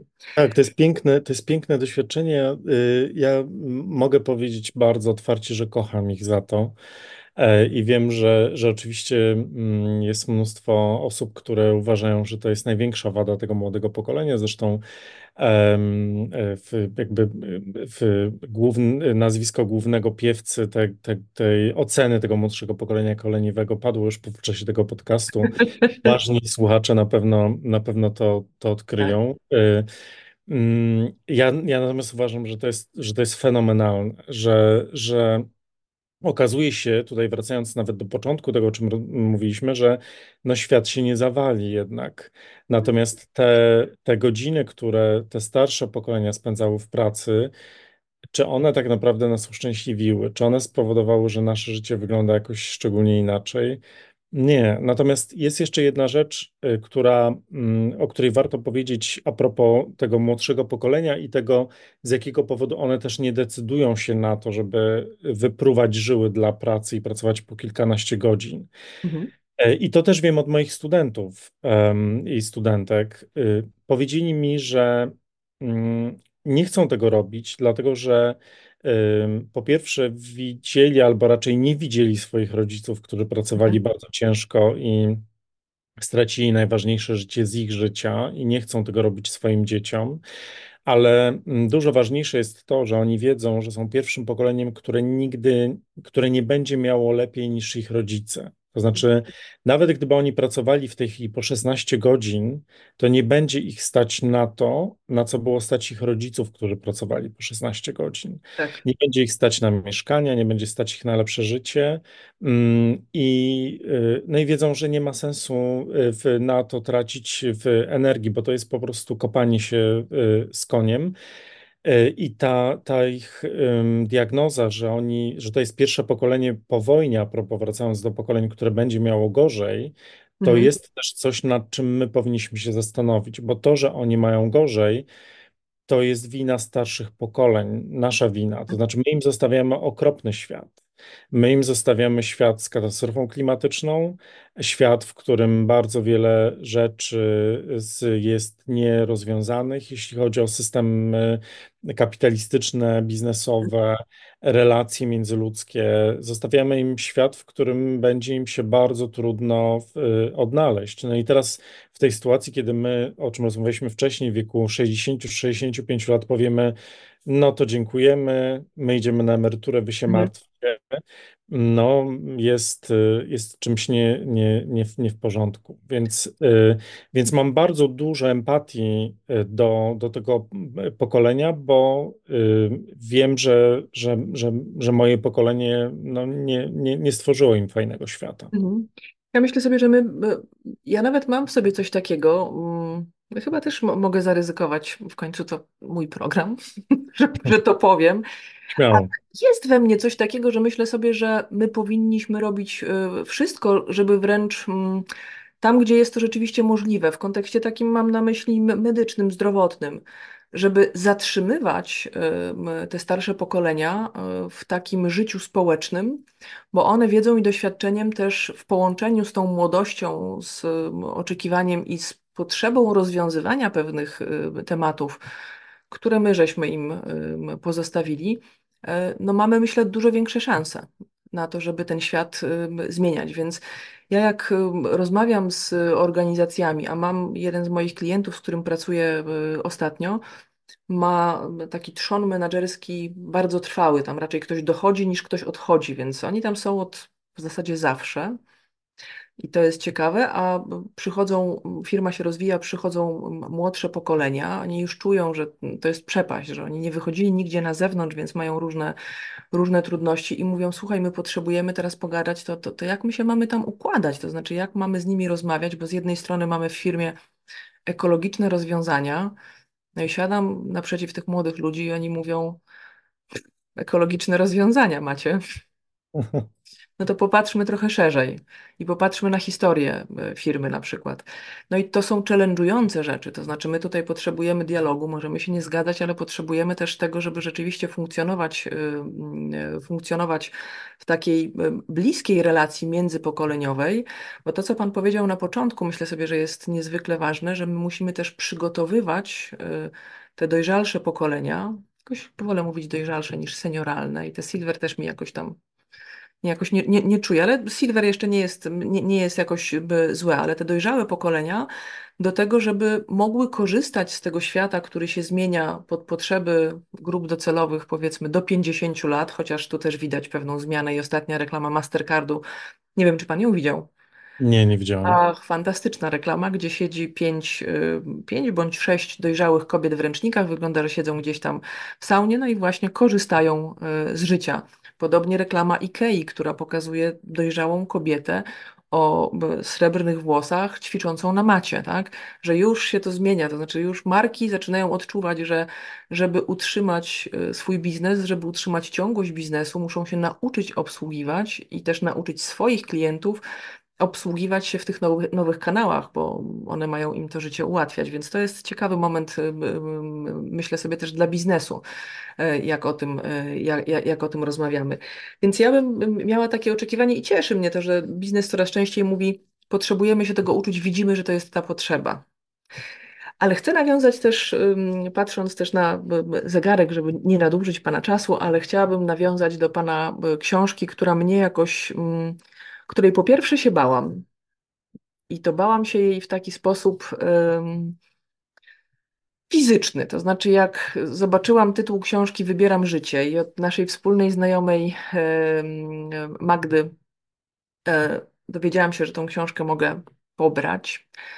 E, I dowiedziałam się, że to są rozmowy, które realizował Pan w e, rozmowy, które realizował Pan w, z podopiecznymi ośrodków e, takich rehabilitacyjnych czy ośrodków, ośrodków opieki takiej do, dobrej, że tak powiem, starości to pomyślałam sobie, że to będzie niezwykle trudna książka. Zresztą sam pan gdzieś, w, nie, nie, wiem, czy to czasem nie jest na, na, na okładce ta informacja, że to są e, rozmowy o najważniejszym i że ta książka to też dla Pana niezwykle ważny, ważna pozycja w takiej twórczości autorskiej, że ona też zrobiła e, zmianę w Pana życiu.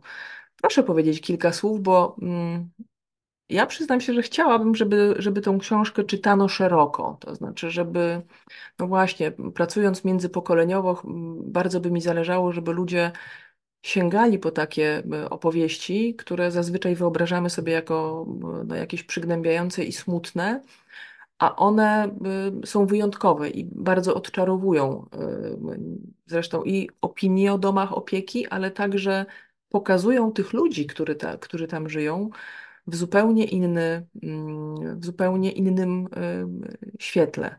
I chciałabym zapytać, y, no właśnie, skąd pomysł na tą książkę i, jaka jest Pana relacja, no bo to jest też mm, sprzed kilku lat wydawnictwo, to, to, to, to jak to było z Wybieram Życie? Dziękuję, że Pani pyta o tę, o tę książkę. Ona jest rzeczywiście szalenie ważna dla mnie. To było bardzo, bardzo trudne doświadczenie.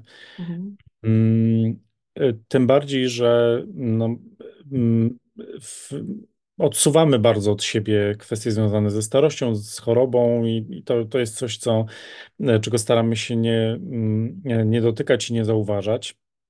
Natomiast y, Rzeczywiście doświadczenie rozmowy z osobami, najczęściej to były osoby, bo oczywiście byli w tej książce znajdują się również opiekunowie osób z chorobą e, Alzheimera, o czym jeszcze za chwilę powiem, natomiast w większości to są osoby w- y, dojrzałe, osoby starsze, które opowiadają o tym, że no, o, o, o życiu z chorobą albo o życiu z osobą, która jest ciężko chora.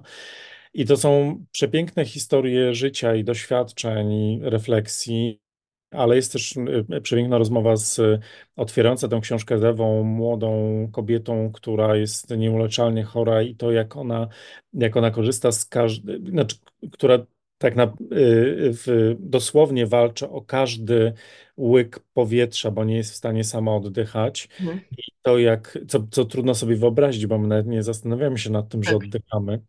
Y, I, i o jej, o jej planach, o jej marzeniach, które nie wiadomo, y, jak, jak szybko zostaną mm, y, w, ukrócone. Y, I to było ogromne doświadczenie, i ten tytuł tej książki, Wybieram życie, wziął się właśnie od, z, z rozmów z tymi osobami, że niezależnie od tego, w jakiej sytuacji my się znajdujemy, jak ona jest ciężka, to jednak ostatecznie właśnie czy jest sytuacja, w której nie możemy złapać powietrza, czy to jest sytuacja, kiedy nie możemy ruszyć ani ręką, ani nogą, ruszamy tylko ustami i powiekami, to i tak wybieramy życie. I chcemy, żeby to życie, nawet w tym, w tym ograniczonym aspekcie, było dla nas jak najlepsze. Ale też bardzo ważne jest to, żeby w tym życiu były obok nas inne osoby, z którymi potrafimy się, e, e, potrafimy się porozumieć. I to jest tutaj ta, ta, to pytanie o książkę jest też świetnym nawiązaniem, bo wspominała Pani wcześniej o o zdrowiu, które, które jest ważne w tym naszym, związane choć z tymi bardziej dojrzałymi pokoleniami. Y, I w przypadku choroby Alzheimera jest rzeczywiście bardzo interesująca rzecz, bo w związku z tym, że tak jak rozmawialiśmy, nasze społeczeństwo się starzeje, to okazało się, że dostrzegamy również pewne problemy, które są z tym związane, ale których też można uniknąć także poprzez to, że będziemy cały czas na e, cały czas się uczyli i cały czas rozwijali nasz mózg. Mhm. Otóż e, właśnie został opublikowany mój raport e, Polki i Polacy o choroby i zdrowie, w którym właśnie mm, w- społeczeństwo, bo to było na reprezentatywnej grupie Polek i Polaków, dostrzegło problem związany z chorobą Alzheimera. To znaczy, zależało mi na tym, żeby zapytać się, jakich chorób się boimy najbardziej. Oczywiście najbardziej boimy się chorób nowotworowych i sercowo-naczyniowych, ale na trzecim miejscu najbardziej boimy się zachorowania na, na chorobę Alzheimera. I to jest clue tego, i to jest też siła badań społecznych, że my już wyczuwamy pewien problem, który się z tym pojawia. Problem z tym, że żyjemy coraz dłużej, więc ta choroba Alzheimera będzie coraz bardziej y, nas dotyczyć. Y, Również z tym, że pewne osoby, które postanowiły się nie uczyć, nie rozwijać, nie ćwiczyć swojego mózgu, zaczynają chorować na chorobę Al- Alzheimera i nie mają, w związku z tym, że przeszły na emeryturę, nie mają kontaktów społecznych, y, chorują na tę chorobę Alzheimera we wczesnym wieku, a ich silny organizm sprawia, że fizycznie są zdrowi, natomiast głowa odmawia posłuszeństwa.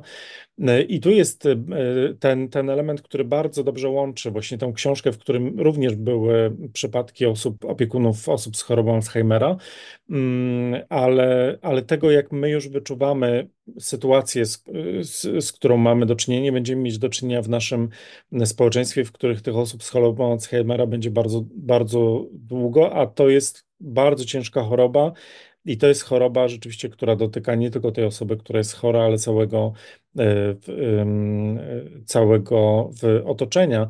No Mhm. i jeszcze na chwilę wracając do, do tej książki, no też trzeba pamiętać o tym, że no w tej książce jest bardzo dużo ciepła, bo, y, żeby zachęcić Państwa do czytania, tam jest bardzo dużo ciepła, bardzo dużo miłości, bardzo dużo takich ujmujących opowieści o, o, w, y, o tym, jak, y, jak w tej w w chorobie własnej czy osoby bliskiej y, można się odnaleźć. No, tam jest też trochę o spełnianiu marzeń i o tym, jak korzystać z tego życia, które mamy, więc ja przyznam się szczerze, że naprawdę się obawiałam, a przeczytałam ją z przyjemnością i zupełnie się nie dziwię. Mm, Nawet żałuję trochę, że mm, mieszkając przez 10 lat w Warszawie z osobą, która była starsza ode mnie o dobre kilkadziesiąt lat, Ja miałam tam mieszkać rok, y, natomiast y, i w ogóle się tak strasznie przed tym broniłam. Jeszcze jak się okazało, że osoba, która, która y, ma mnie przygarnąć na ten mój pierwszy samodzielny rok w Warszawie, ja sobie wyobrażałam, że to będzie akademik, że to wreszcie wolność. A moja mama powiedziała, no chyba zwariowałaś. E, I znalazła mi mm, pokój e, u starszej pani, zresztą, która była nauczycielką polskiego, lwowianką. E, I miałam tam mieszkać rok. No i jak już tak osiądę, no to będę mogła sobie, jak już pozaliczam to, co mam do pozaliczania, no to będę mogła być bardziej samodzielna. No i dodam tylko, że mieszkałam tam 10 lat. Czyli stworzyła się piękna przyjaźń, jak się Tak, domyślam. mieszkałam tam 10 lat na ulicy Chorzej. Ym, Janka odeszła, jak miała lat 94. Była przecudowną osobą zresztą. E, I żałuję, że nigdy nie nagrałam rozmowy z nią, bo ze swoimi dziadkami nagrałam rozmowy, jak pisałam pracę magisterską. Długie, bardzo długie. E, Jeszcze wtedy robiło się to na taśmach. Nie wiem, czy młode pokolenie, ale chyba jeszcze pamiętają te takie taśmy magnetofonowe, bo rodzice na pewno je mieli. E, To, to, to się nagrywało właśnie na takie dyktafony na taśmy. I teraz będę to prze, przekładać w, w wersję elektroniczną, żeby to z, nie zginęło. I żałuję, że nie nagrałam takiej rozmowy właśnie z Janką o jej życiu, bo ona bardzo wcześnie została wdową w wieku 45 lat i nigdy się z nikim nie związała, natomiast miała taką wolę życia, tak kochała ludzi e, i mimo chorego błędnika, przez co nie mogła naturalnie sama wychodzić, ale mogła wychodzić ze mną, a później z taką opiekunką, która jej towarzyszyła w ostatnich latach życia, to cały czas miała kontakt z ludźmi i jak pomyśli pan sobie o takiej osobie, która wstaje rano i codziennie robi makijaż, ma zawsze zrobione paznokcie, e, i jest niezwykle ciekawa świata, e, ale też e, no, opowiadała historie, które ja gdzieś tam pewnie ze sobą będę zabierać. E, I czasami mi się coś tam przypomina i opowiadam, więc tu, tu żałuję. I jak czytałam pana książkę, to pomyślałam sobie, taki miałam dojmujący żal, że tego nie zrobiłam, że to było coś, co warto było utrwalić, bo ta relacja z, z Janiną była wyjątkowa, tak? Że w ogóle ona się zmieniła bardzo szybko, więc z tego potwora, który miał mi unieszczęśliwić życie i rozliczać mnie, gdzie ja wychodzę, kiedy i dlaczego tak późno wracam, okazało się, że, że ona była fantastyczną osobą, taką, z którą spędzałam całkiem sporo czasu, jak na młodą y, osobę. E, Ja mam jeszcze y, dosłownie kilka pytań, które chciałabym zadać, ale pozwolę sobie wspomnieć o jeszcze jednej książce, która mnie, pana autorstwa, pana i pani Renaty Mazurowskiej, czyli o sztuce bycia z innymi, dobre maniery na, na nowy wiek. E, A chcę o tym wspomnieć, dlatego że w tej książce, to jest taka książka, no rzeczywiście, która mówi o tym chaosie komunikacyjnym, osadza to bardzo w tych realiach. Ci, którzy mnie znają z kolei, to doskonale wiedzą, że savoir-vivre jest taką moją pasją, to znaczy ja chyba najwięcej książek poza biografi biografiami, to w domu mam chyba najwięcej książek o y, savoir-vivre. Nawet kiedyś y, otworzyłam taki cykl na LinkedInie, natomiast to, to jest straszny zżeracz czasu, bo żeby dobrze napisać o jakimś temacie, to musiałam pracować nad tym po kilka godzin, więc w którymś momencie zawiesiłam. I bardzo serdecznie polecam tę książkę, bo to jest taka książka, by savoir-vivre zawsze był istotny i dla moich dziadków, i dla moich rodziców, dla mojej mamy też w sposób absolutnie szczególny. E, I to jest książka, którą ja nabyłam zupełnie niedawno, w sensie dużo wcześniej niż pokolenia i niż wybieram życie. Mm, A przypomniałam sobie, jak żeśmy się umówili, że to jest bardzo fajna pozycja, bo ona też pokazuje, jak mm, no właśnie z taką uprzejmością, z taką y, łatwością znaleźć się w różnych sytuacjach, ale też międzypokoleniowo właśnie, bo dla tych dojrzałych pokoleń y, to ma ogromne znaczenie. I jak ja się pojawiam w różnych miejscach, gdzie są dużo starsze ode mnie osoby i widzę, jak panowie na przykład podskakują na krzesłach i wstają, jak kobiety podchodzą do stolika, co się zdarza też młodym mężczyznom, żeby nie było. E, ja wtedy to jakoś ogromnie do, do, doceniam. Więc bardzo też zachęcam słuchaczy, żeby, żeby po to mm, sięgnęli, bo e, no, takie poczucie komfortu, poczucie, mm, czucie się dobrze w towarzystwie różnych osób jest e, istotne i bardzo bardzo zachęcam, bo jest też bardzo przyjaźnie i y, sympatycznie napisana. Ale na koniec. Aha, No tylko dodam jeszcze a propos tej książki. Bardzo dziękuję i, ty, i, i podcastu, i tematu tego podcastu. E, Bardzo żałuję, że ta kwestia związana z etykietą, savoir-vivre, dobrym zachowaniem zniknęła ze świata biznesu i, Mhm. i znika. Z różnych powodów, czasami również z powodu braku ciągłości, że, że, że kolejne pokolenia nie, nie przekazały kolejnym i te kolejne kolejnym i nie do końca wiadomo, jak, jak w tym się e, poruszać. Natomiast ostatnio e, spotkałem się z moją koleżanką, która już od bardzo wielu lat prowadzi swoją firmę, mm, taką świetnie prosperującą, działa głównie w Wielkiej Brytanii, w Szwajcarii.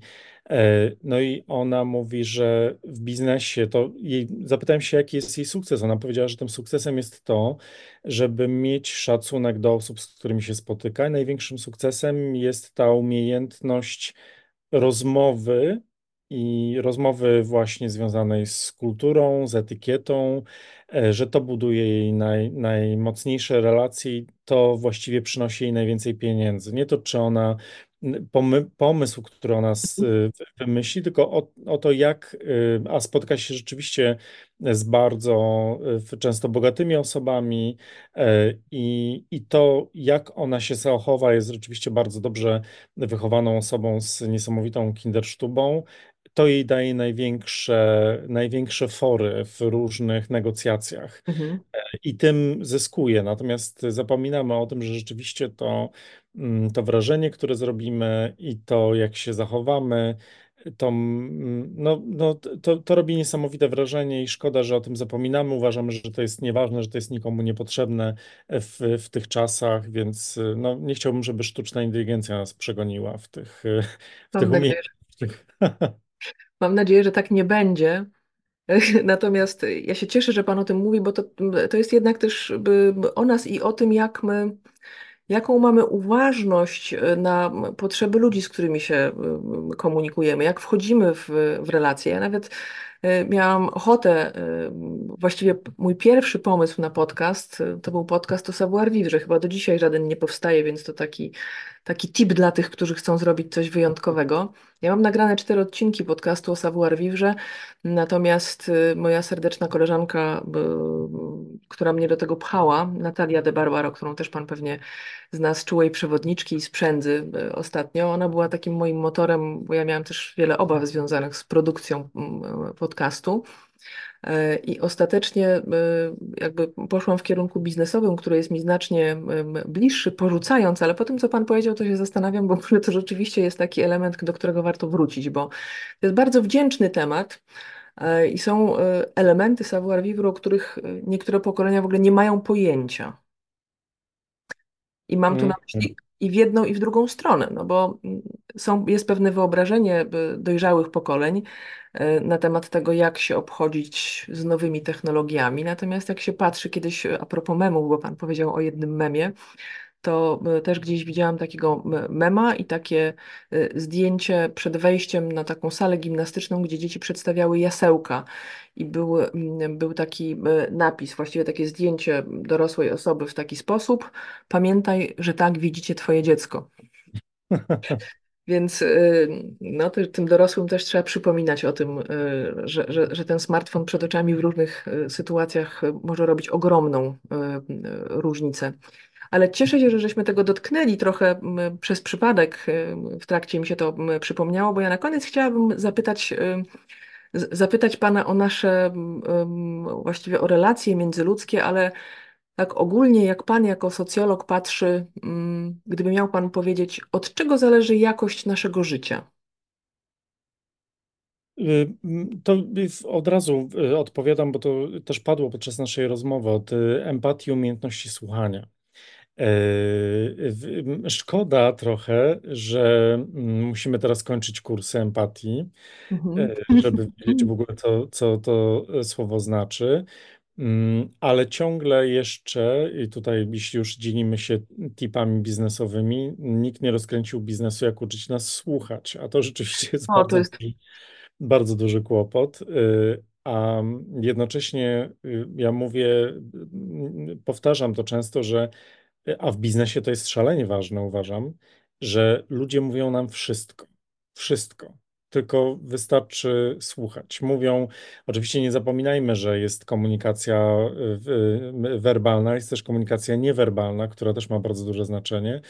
Y, I, no i, i, i, i w rozmowach biznesowych możemy dostrzec, kto się czego boi, w którym momencie, kto nie jest przekonany to naprawdę to wszystko widać jak, jak na dłoni ma, e, ma ogromne znaczenie. E, Kto jak słucha albo nie słucha, kto jak próbuje przekroczyć granice, e, kto próbuje nas ograć, kto, komu możemy zaufać, komu nie. E, Ta, ta umiejętność słuchania w biznesie jest, jest niewiarygodną sztuką, ogromną umiejętnością. My uważamy, że, że to jest mnóstwo innych rzeczy, natomiast ktoś, kto potrafi bardzo dobrze słuchać, też potrafi robić bardzo dobre biznesy, w efekcie tego czasem bardzo dobre pieniądze. Miało być moje kolejne pytanie, bo uważam, że my cierpimy na deficyt słuchania taki absolutny, ale też wyciągania wniosków, bo my też z racji tego, że mamy tę nieuważność na słuchanie, to później z różnych skrawków składamy sobie różne, y, takie mam wrażenie, ta, takie są moje obserwacje, pan pewnie y, ma na to poważne badania, ale y, obserwując rzeczywiście można, jak się obserwuje i słucha właściwie i uważnie, to można wyciągać doskonałe wnioski, ale jeszcze umiejętność wyciągania wniosków i takiego krytycznego myślenia, a nie życzeniowego, jest moim zdaniem niezwykle istotna. Ale w związku z tym, że Pan wyprzedził mnie swoją odpowiedzią, to chciałabym zapytać, czy Pan ma jakiś pomysł na to? Hm, no właśnie, co zrobić, żeby tę jakość słuchania zmienić? Bo, bo, bo to jest przerażające. Mhm. Czy mam pomysł? No oczywiście ten pomysł wybiega w, mm, w świat y, edukacji. No, to jest, to jest ten element. To, że właśnie o czym mówiłem wcześniej, że ja zadaję moim studentom pytania i chcę się od nich dowiedzieć, ich słucham, y, no to jest coś, czego i, i do czego oni podchodzą podejrzliwie, jest wynikiem tego, że nikt wcześniej, albo często bardzo mało kto w szkole y, na różnych poziomach był ich zainteresowany, on, co oni mają do powiedzenia. I oni właściwie byli, można, ktoś może powiedzieć, no tak, no ale oni słuchali. Natomiast no, oni nie słuchali, bo często byli kompletnie niezainteresowani. Często tej osoby, która mówi, w ogóle nie interesuje, czy ktoś jej słucha, tylko po prostu ona chce wypowiedzieć, co ma, co ma do, do powiedzenia. E, I ta umiejętność słuchania nie polega na tym, że ktoś przed nami usiądzie, będzie nam opowiadał całe życie i my będziemy słuchać i, i Mhm, potakiwać. To nie, to nie jest to. To jest właśnie umiejętność w, e, empatii, umiejętność tego wyciągania wniosków, o których e, pani bardzo słusznie powiedziała, która prowadzi nas do tego, że możemy zadać kolejne pytanie albo przefiltrować to na nasze życie, bo ta, bo ta umiejętność wyciągania wniosków to jest to słynne powiedzenie dotyczące tego, że warto uczyć się na cudzych błędach. mhm, Jeśli ja nie usłyszę o tych błędach, jeśli nie usłyszę, y, nie przeanalizuję tego, z czego te błędy powstały, o których ta mhm, osoba mi powiedziała, które się zdarzyły w jej życiu, no to nie będę w stanie y, tego wdrożyć do, do, do, do swojego życia i mogę ten, ten sam błąd popełnić. Ale też jest tak, że jeśli my nie wysłuchamy kogoś, będziemy mówić tylko o sobie, o swoich błędach i to, co zrobiliśmy, ale nie wysłuchamy kogoś, nie wysłuchamy, jakie pytania ma nam do, do, do zadania albo jakie refleksje ma potem, no to potem będziemy popełniać znów ten sam błąd jeszcze raz, jeszcze raz i jeszcze raz. mhm. To ja pójdę jeszcze kawałek dalej, bo mam wrażenie, że z tym brakiem słuchania wiąże się mm, ocenianie. Czy że my bardzo łatwo wchodzimy w taki, w, w taki tryb oceniania. E, Jakie pan ma tu swoje spostrzeżenia? Moje doświadczenia no, przyglądam się nie tylko naszemu społeczeństwu, ale też y, innym społeczeństwom i rzeczywiście no, ten tryb oceniania u nas w Polsce jest włączony bardzo, bardzo wysoko. Y, I ten tryb oceniania również wiąże się z tym, o czym rozmawialiśmy na temat stereotypów. To znaczy bardzo szybko, nawet nie Właśnie nie próbujemy wsłuchać się w tę osobę, tylko układamy ją, wrzucamy do określonej szufladki, zamykamy i nie chcemy w ogóle nic usłyszeć, zmienić, nawet jeśli ktoś z tej szuflady się dobija i mówi, ale ja nie jestem taka albo taki, jak ty sobie Mhm. myślisz. W ogóle nas to kom- kompletnie nas to nie, nie interesuje. Te stereotypy, y, które są bardzo silnie związane z ocenianiem, zwyciężają. Mhm. I to jest jakoś smutne, bo ja rozumiem, że one jakoś pozwalają, po, pomagają nam czasami żyć, ale też ta stygmatyzacja, która za tym idzie, też tworzy między nami straszne rowy. I też w kontekście pokoleń, o których żeśmy rozmawiali, to to stygmatyzowanie i wyobrażenie e, e, tych innych, innych pokoleń, w ogóle mówienie o, o, o, ludziach, z którymi dorastamy w tym samym kraju i funkcjonujemy, że oni są jacyś inni, e, to, e, to, to jest, to jest dla mnie w ogóle jakoś nie, nie, niezwykle trudne. Mm, ja na to źle reaguję, bo ja jak czytam o, o pokoleniu X, do którego powinnam należeć, to ja z bardzo wieloma elementami opisu pokolenia się w ogóle nie identyfikuję. W ogóle. Ja mam trochę z Zetek, mam trochę nawet z baby boomersów, więc to jest. y, Ja też, y, jak mówię o różnorodności wiekowej, to mówię, że tu nie ma jednorodnych grup, że my te, te, te kohorty gdzieś żeśmy stworzyli, że ten moment w historii on nas jakoś łączy. Chociaż teraz czytam nową książkę, mm, nie wiem, czy dobrze wypowiem nazwisko, Twenge, tak? Tak, tak.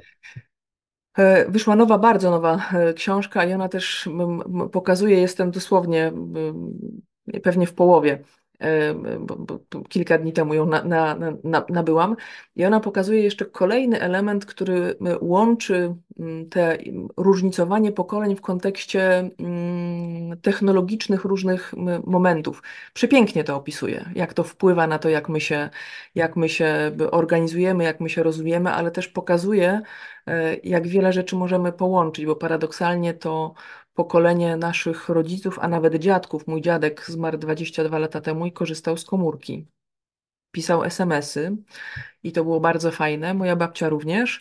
E, I myślę sobie, że to, to, to ta zakładka pod tytułem, że oni nie umieją, że to w ogóle, że to nie dla nich, że tam nie takie palce czy cokolwiek innego, to jest jakaś, ja- ja- jakieś potworne założenie, które ma ich jakoś e, wyłączyć z tego. Oni sobie świetnie z tym radzą, co więcej, są niezwykle tego, niezwykle tego e, ciekawi, więc wolałabym, żebyśmy raczej szukali tego, co jest wspólne i tego, co płynie z Pana książki e, w, mm, i tego, co Pan powiedział na początku, że my wszyscy po prostu potrzebujemy e, miłości, a pójdę jeszcze kawałek e, głębiej, bo niezwykle mi się spodobało to, co Pan powiedział e, o miłości, że sama miłość nie jest emocją, że zakochanie jest emocją, a miłość jest umiejętnością. I przyznam się szczerze, że jak scrollując tam Instagrama w którymś momencie znalazłam tę e, rolkę, zatrzymał mnie Pan na dłużej w tym.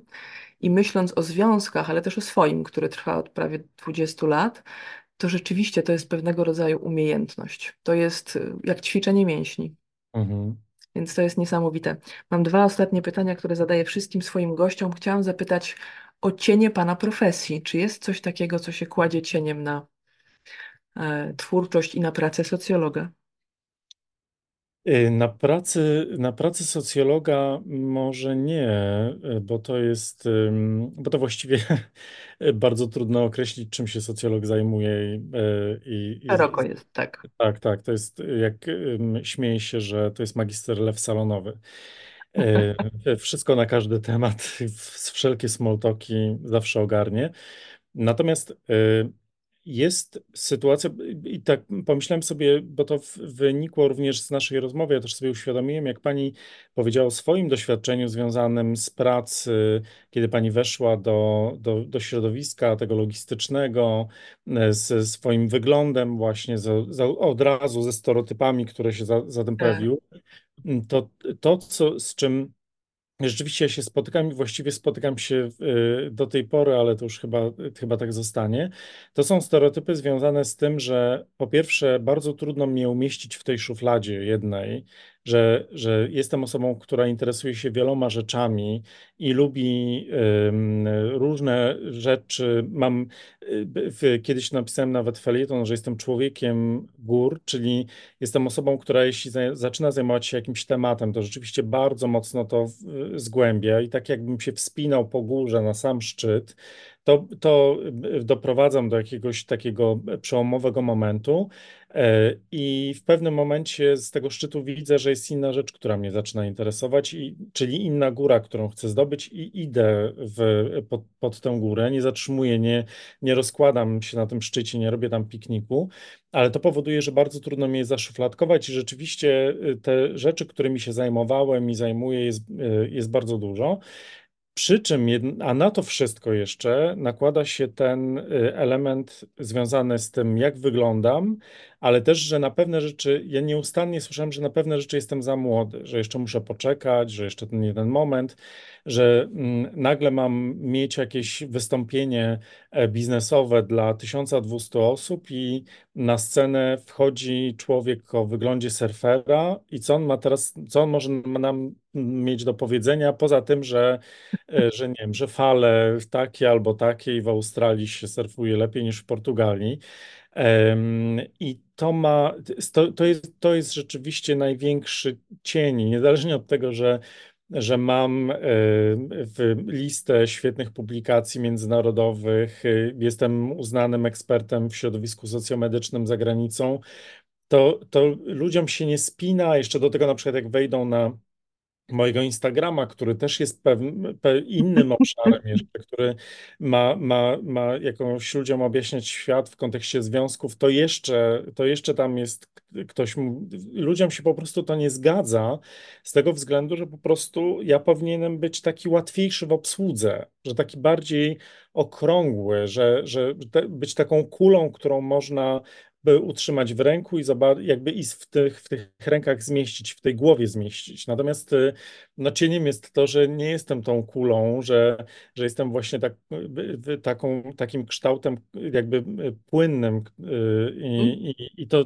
to jest, to jest ten, ten kłopot, że czasami na przykład ktoś biznesowo zwraca się do mnie jakby po po moich doświadczeniach, tytułach, czy tam czymkolwiek innych, albo innych szykanach, które się pojawiają, a potem jak mnie spotyka na żywo, to sobie myśli, ojej, ale, ale co, co, co, co on nam powie? Więc bardzo, ba, czasami to jest zabawne, a, a czasami zasmucające. No to, to jest w ogóle niesamowite. Ja powiem tak, y, dla mnie to jest ciekawsze. To znaczy może dlatego, że Trochę podobnie do Pana mam różne zainteresowania, one są dość szerokie yy, i z bardzo różnych yy, materii i myślę sobie, że to jest ciekawsze, znaczy łączenie tych różnych kropeczek w różnych miejscach i łączenie różnych tematów jest dla mnie jakoś inspirujące tym, że kiedyś jedna z moich koleżanek powiedziała, ty masz mnóstwo nikomu niepotrzebnej wiedzy. No i rzeczywiście ta niepotrzebna wiedza czasami w różnych sytuacjach okazuje się, że można jej użyć, a jeszcze inna koleżanka mówi, pamiętasz, taki film był um, Slumdog Milioner, nie Mhm. pamiętam. Jak się, i, I tamta nikomu niepotrzebna wiedza spowodowała, że on odmienił swoje życie, więc ja liczę na to, że takie osoby jak pan e, i może ja po prostu w którymś momencie doświadczą tego, że ta, te, te, te szerokie horyzonty, które mamy i z których korzystamy, że one będą że jakoś, y, jakoś się przełożą też. Chociaż ja mam wrażenie, że i pan, i ja mamy bardzo ciekawe życie. Jak tak się przyglądam pana twórczości, że to jest, to jest samo, y, samo w sobie jest dla mnie wartością, że, że, że możemy. Bardzo, bardzo dziękuję. Natomiast też y, tej koleżance odpowiedziałbym, co to znaczy, albo kto stwierdził, która wiedza jest y, niepotrzebna, która jest Prawda? potrzebna. Mhm. E, Te doświadczenia, które mamy i które zdobywamy, nas kształtują i pozwalają na, na właśnie budowanie jakichś takich mm, parasoli, jakichś takich szerokich pojęć, na szersze spojrzenie na, Mhm. na, na, na świat. A no, rzeczywiście by, przez bardzo długi czas my byliśmy kształceni w takim kierunku, żeby mieć jeden, tak być bardzo sprofilowani.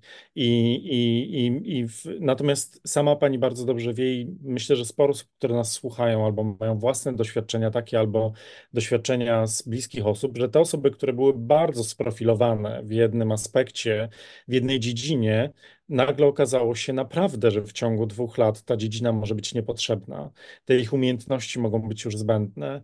I co wtedy? Oni, oni mają, jak ogromną pracę oni mają do wykonania, nie mając, jak, to zresztą to, y, napisałem kiedyś książkę na temat doradztwa zawodowego i nazwałem to, że teraz powinniśmy tworzyć archipelag wysp zawodowych. Że jeśli jedną wyspę zaleje nam woda, to możemy się prze, przerzucić na drugą. I pamiętam, że że ta książka, ona ma już chyba 10 lat. Jak to zaproponowałem 10 lat temu, to wszyscy y, byli tacy, którzy się śmiali, byli tacy, którzy byli oburzeni, co to za brednie, ale nawet y, potem pisałem znów ten, że znów po prostu ten surfer wymyślił jakąś idiotyczną rzecz. Y, Ale też pisałem na przykład o tym, może być taka sytuacja, że tą twoją zawodową wyspę zaleje woda na jakiś czas ty się Mhm. przeniesiesz na inną, z, tam, z tej wyspy ta woda zejdzie i będziesz mógł na nią wrócić, ale jednak musisz przetrwać, musisz mieć tę kolejną wyspę, bo my byliśmy, jesteśmy uczeni w kontekście drabiny, że musimy się po Mhm. drabinie wspinać na kolejne szczeble, ale jak się zleci z tej drabiny, to trzeba zacząć od początku, jeszcze człowiek się potłucze. I y, po tych kilku latach przyszła pandemia, która pokazała, że ta moja koncepcja archipelagu wysp zawodowych sprawdziła się doskonale, bo część zawodów została, czy, czy naszych umiejętności, czy, czy tych źródeł y, w pracy została zalana całkowicie, część tylko tymczasowo, no ale musieliśmy poszukać tych innych wysp. I te osoby, które były na drabinie, E, no, bardzo były mocno zaniepokojone, co z nimi będzie. Natomiast te osoby, Mhm. które ten archipelag sobie budowały, przetrwały doskonale. Tak. Co więcej, jeszcze mam takie poczucie, że w Polsce my potrzebujemy tych drabin, bo one nas też społecznie umiejscawiają we właściwym miejscu, chociaż nie wiem, co to jest to właściwe miejsce, bo u nas się nie pyta ludzi, czy chcą awansować, czy chcą zarządzać ludźmi. W ogóle bardzo nie lubię tego sformułowania. E, za, zarządzać ludźmi, czy też być w roli liderskiej czy menedżerskiej, e, a z kolei w bardzo wielu krajach e, tą wiedzę się poszerza właśnie w ramach jakiejś tam jakiegoś szczebelka. Ja idę szerzej, żeby znaleźć jakieś ciekawe rzeczy, które mogą wzbogacić te, te, te moje umiejętności. Obiecuję, że to już ostatnie pytanie, w związku z tym, że ja poleciłam Pana książki e, i wierzę, że będą e, czytane, to mm, kiedyś w rozmowie z Natalią Hatalską e, pamiętam, usłyszałam, że ona jakby próbuje uciekać algorytmom i i pyta ludzi, co czytają, co warto przeczytać, co jest ciekawe, co inspiruje. Ja dzięki temu od dwa, dwóch i pół roku czytam przeróżne książki, e, i, e, po które nigdy bym nie sięgnęła, to tak, żeby była jasność. E, Nie wszystkie są takimi książkami, że przychodzą mi z łatwością, ale już też nauczyłam się tego, że nie muszę czytać do końca. Zdarza mi się, że powiedziałam sobie, że jestem jestem w takim wieku, że mogę zdecydować świadomie, że czegoś nie będę czytać, ale robię to z ogromną ciekawością i to portfolio tego, co czytam, jest znacznie szersze niż dwa i pół roku temu. Panie profesorze, co warto przeczytać, po co sięgnąć, e, co Pana zainspirowało, zaciekawiło ostatnio? Ja wykonywałem tutaj choreograficzne ruchy, właśnie sięgałem po książkę. Chciałem polecić dwie, dwie książki, też jak przystało na mnie, to będą dwie różne rzeczy. Y, Pierwszy to jest absolutnie mój kochany Orhan Pamuk i jego ostatnia y, powieść Noce zarazy. Y, I jeszcze tu w przypadku Orhana Pamuka, no, oprócz tego, że jest to wspaniała lektura na, na, na, na długi czas, to też bardzo warto podkreślić, że my mamy znakomitych, y, znakomite tłumaczki i tłumaczy z języka tureckiego na polski i, y, i, i, i to, a, a mam pewne umiejętności, które pozwo, pozwalają to ocenić, ale też y, trzeba pamiętać o tym, że mamy znakomitą tłumaczkę profesor Nesze Judże, która tłumaczy z polskiego na turecki. Dzięki temu Mhm. tam znają Miłosza Mrożka czy y, Olgę Tokarczuk, więc ale Orhan Pamuk to jest, to jest przepiękna, y, przepiękna historia i przepiękna powieść. Natomiast wróciłem, mam tutaj cały zestawik do ostatnio do Tytusów O rany. moich wspaniałych, kochanych, y, y, które i, i nie- niesamowicie się to czyta z perspektywy czasu. Mm, To, to jest też, jak czytam te tytusy, to sobie przypominam, że to stamtąd się wzięło moje poczucie humoru, dystans do świata, ale też bardzo ważna rzecz, akceptacja dla innych, dla tego, jak wyglądają inni, jak się zachowują. E, To jest dużo mądrzejsza rzecz niż mogłoby się wydawać. E, Kiedyś, jak to czytałem, to była rozrywka, natomiast teraz Mhm. E, patrzę na to, że to jest dużo mądrzejsze niż, e, e, niż tak, jak to było sprzedawane, ale myślę, że Babcio Chmiel wiedział. Zresztą ta zasada ucząc bawi, bawiąc uczy towarzyszy mi właściwie w, Tak. we, we współpracy z, z biznesem chociażby. To jest fajne. Bardzo dziękuję za tą polecajkę. Ja miałam to mm, szczęście, tak na to patrzę, że mm, jak byłam już dorosłą, pełnoletnią osobą, bo miałam 18 lat, to na świecie pojawił się mój chrześniak, drugie dziecko w naszej rodzinie. I on dziedziczył po mnie większość książek, w tym Tytus Romek i Atomek, wszystkie komiksy, które miałam i uwielbiałam czytać. A ostatnio szłam i zajrzałam do antykwariatu i zobaczyłam jeszcze takie stare opowiadania Brzechwy w takiej zielonej okładce z sową, które też, które też przekazałam swojemu chrześniakowi i przypomniały mi się, to jest też zabawne, że pamiętamy, to ja pamiętam przeróżne kwestie i z przyjemnością bym sięgnęła. E, nie chcąc, e, że tak powiem, naruszać tych ustalonych zasad czasowych, chociaż mam wrażenie, że już trochę uszczknęłam Pana czasu. Chciałabym bardzo serdecznie podziękować Panie Profesorze za dzisiejszą rozmowę. To była dla mnie ogromna przyjemność. Gdzieś w duchu mam taką nadzieję, że może nie ostatnia nasza rozmowa. Pięknie Panu dziękuję za poświęcony czas, za morze inspiracji. E, no i życzę Panu e, nieustannie luksusowego życia. Bardzo, bardzo, bardzo dziękuję. Bardzo dziękuję za to e, spotkanie. Dziękuję za to, że tak wspaniale potrafi Pani słuchać. Co, co w, nie, nie chcę, żeby to zabrzmiało jako, teraz się poczułem jak trochę taki wykładowca na egzaminie, że, że wystawiam pani piątkę, postawiam pani piątkę, bo, bo potrafi pani słuchać. Y, mm, to, to jest ogromna przyjemność. No i tak jak stwierdziliśmy, ogromna rzadkość. To było dla mnie wspaniałe spotkanie. Cieszę się i mam nadzieję, że też że też ubogaci Państwa, którzy będą słuchać tego, tego podcastu. E, a innym wykładowcom bardzo polecam Pani podcasty do, do zajęć, bo rzeczywiście mm, są, są bardzo różnorodne i mogą się przydać nie tylko na socjologii, nie tylko na zajęciach zarządzania mm, kadrami, ale również na wielu innych zajęciach. Ja bardzo pięknie dziękuję. To dla mnie zaszczyt, że, że, że Pan to mówi. Mam nadzieję, że tak się też stanie.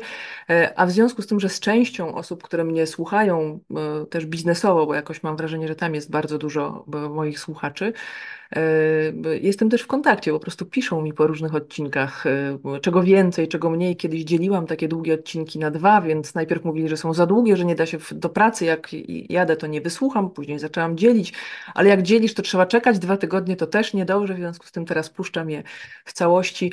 E, pięknie dziękuję za to spotkanie. To była ogromna przyjemność. Wszystkiego dobrego i e, a Państwu życzę miłego słuchania. Dziękuję za Twój czas. Mam nadzieję, że nasza rozmowa była dla Ciebie inspirująca. Jeśli Ci się podobała, udostępnij ją znajomym, zostaw lajka i zasubskrybuj, aby nie umknął Ci żaden odcinek. Będzie mi miło, jeśli podzielisz się swoją opinią. Napisz kilka słów recenzji. To dzięki Tobie mogę się rozwijać i trafiać do szerszego grona odbiorców. To dla mnie ważne i bardzo Ci za to dziękuję. Już dziś zapraszam Cię na kolejny odcinek. Sprawdź, jak różne są odcienie biznesu.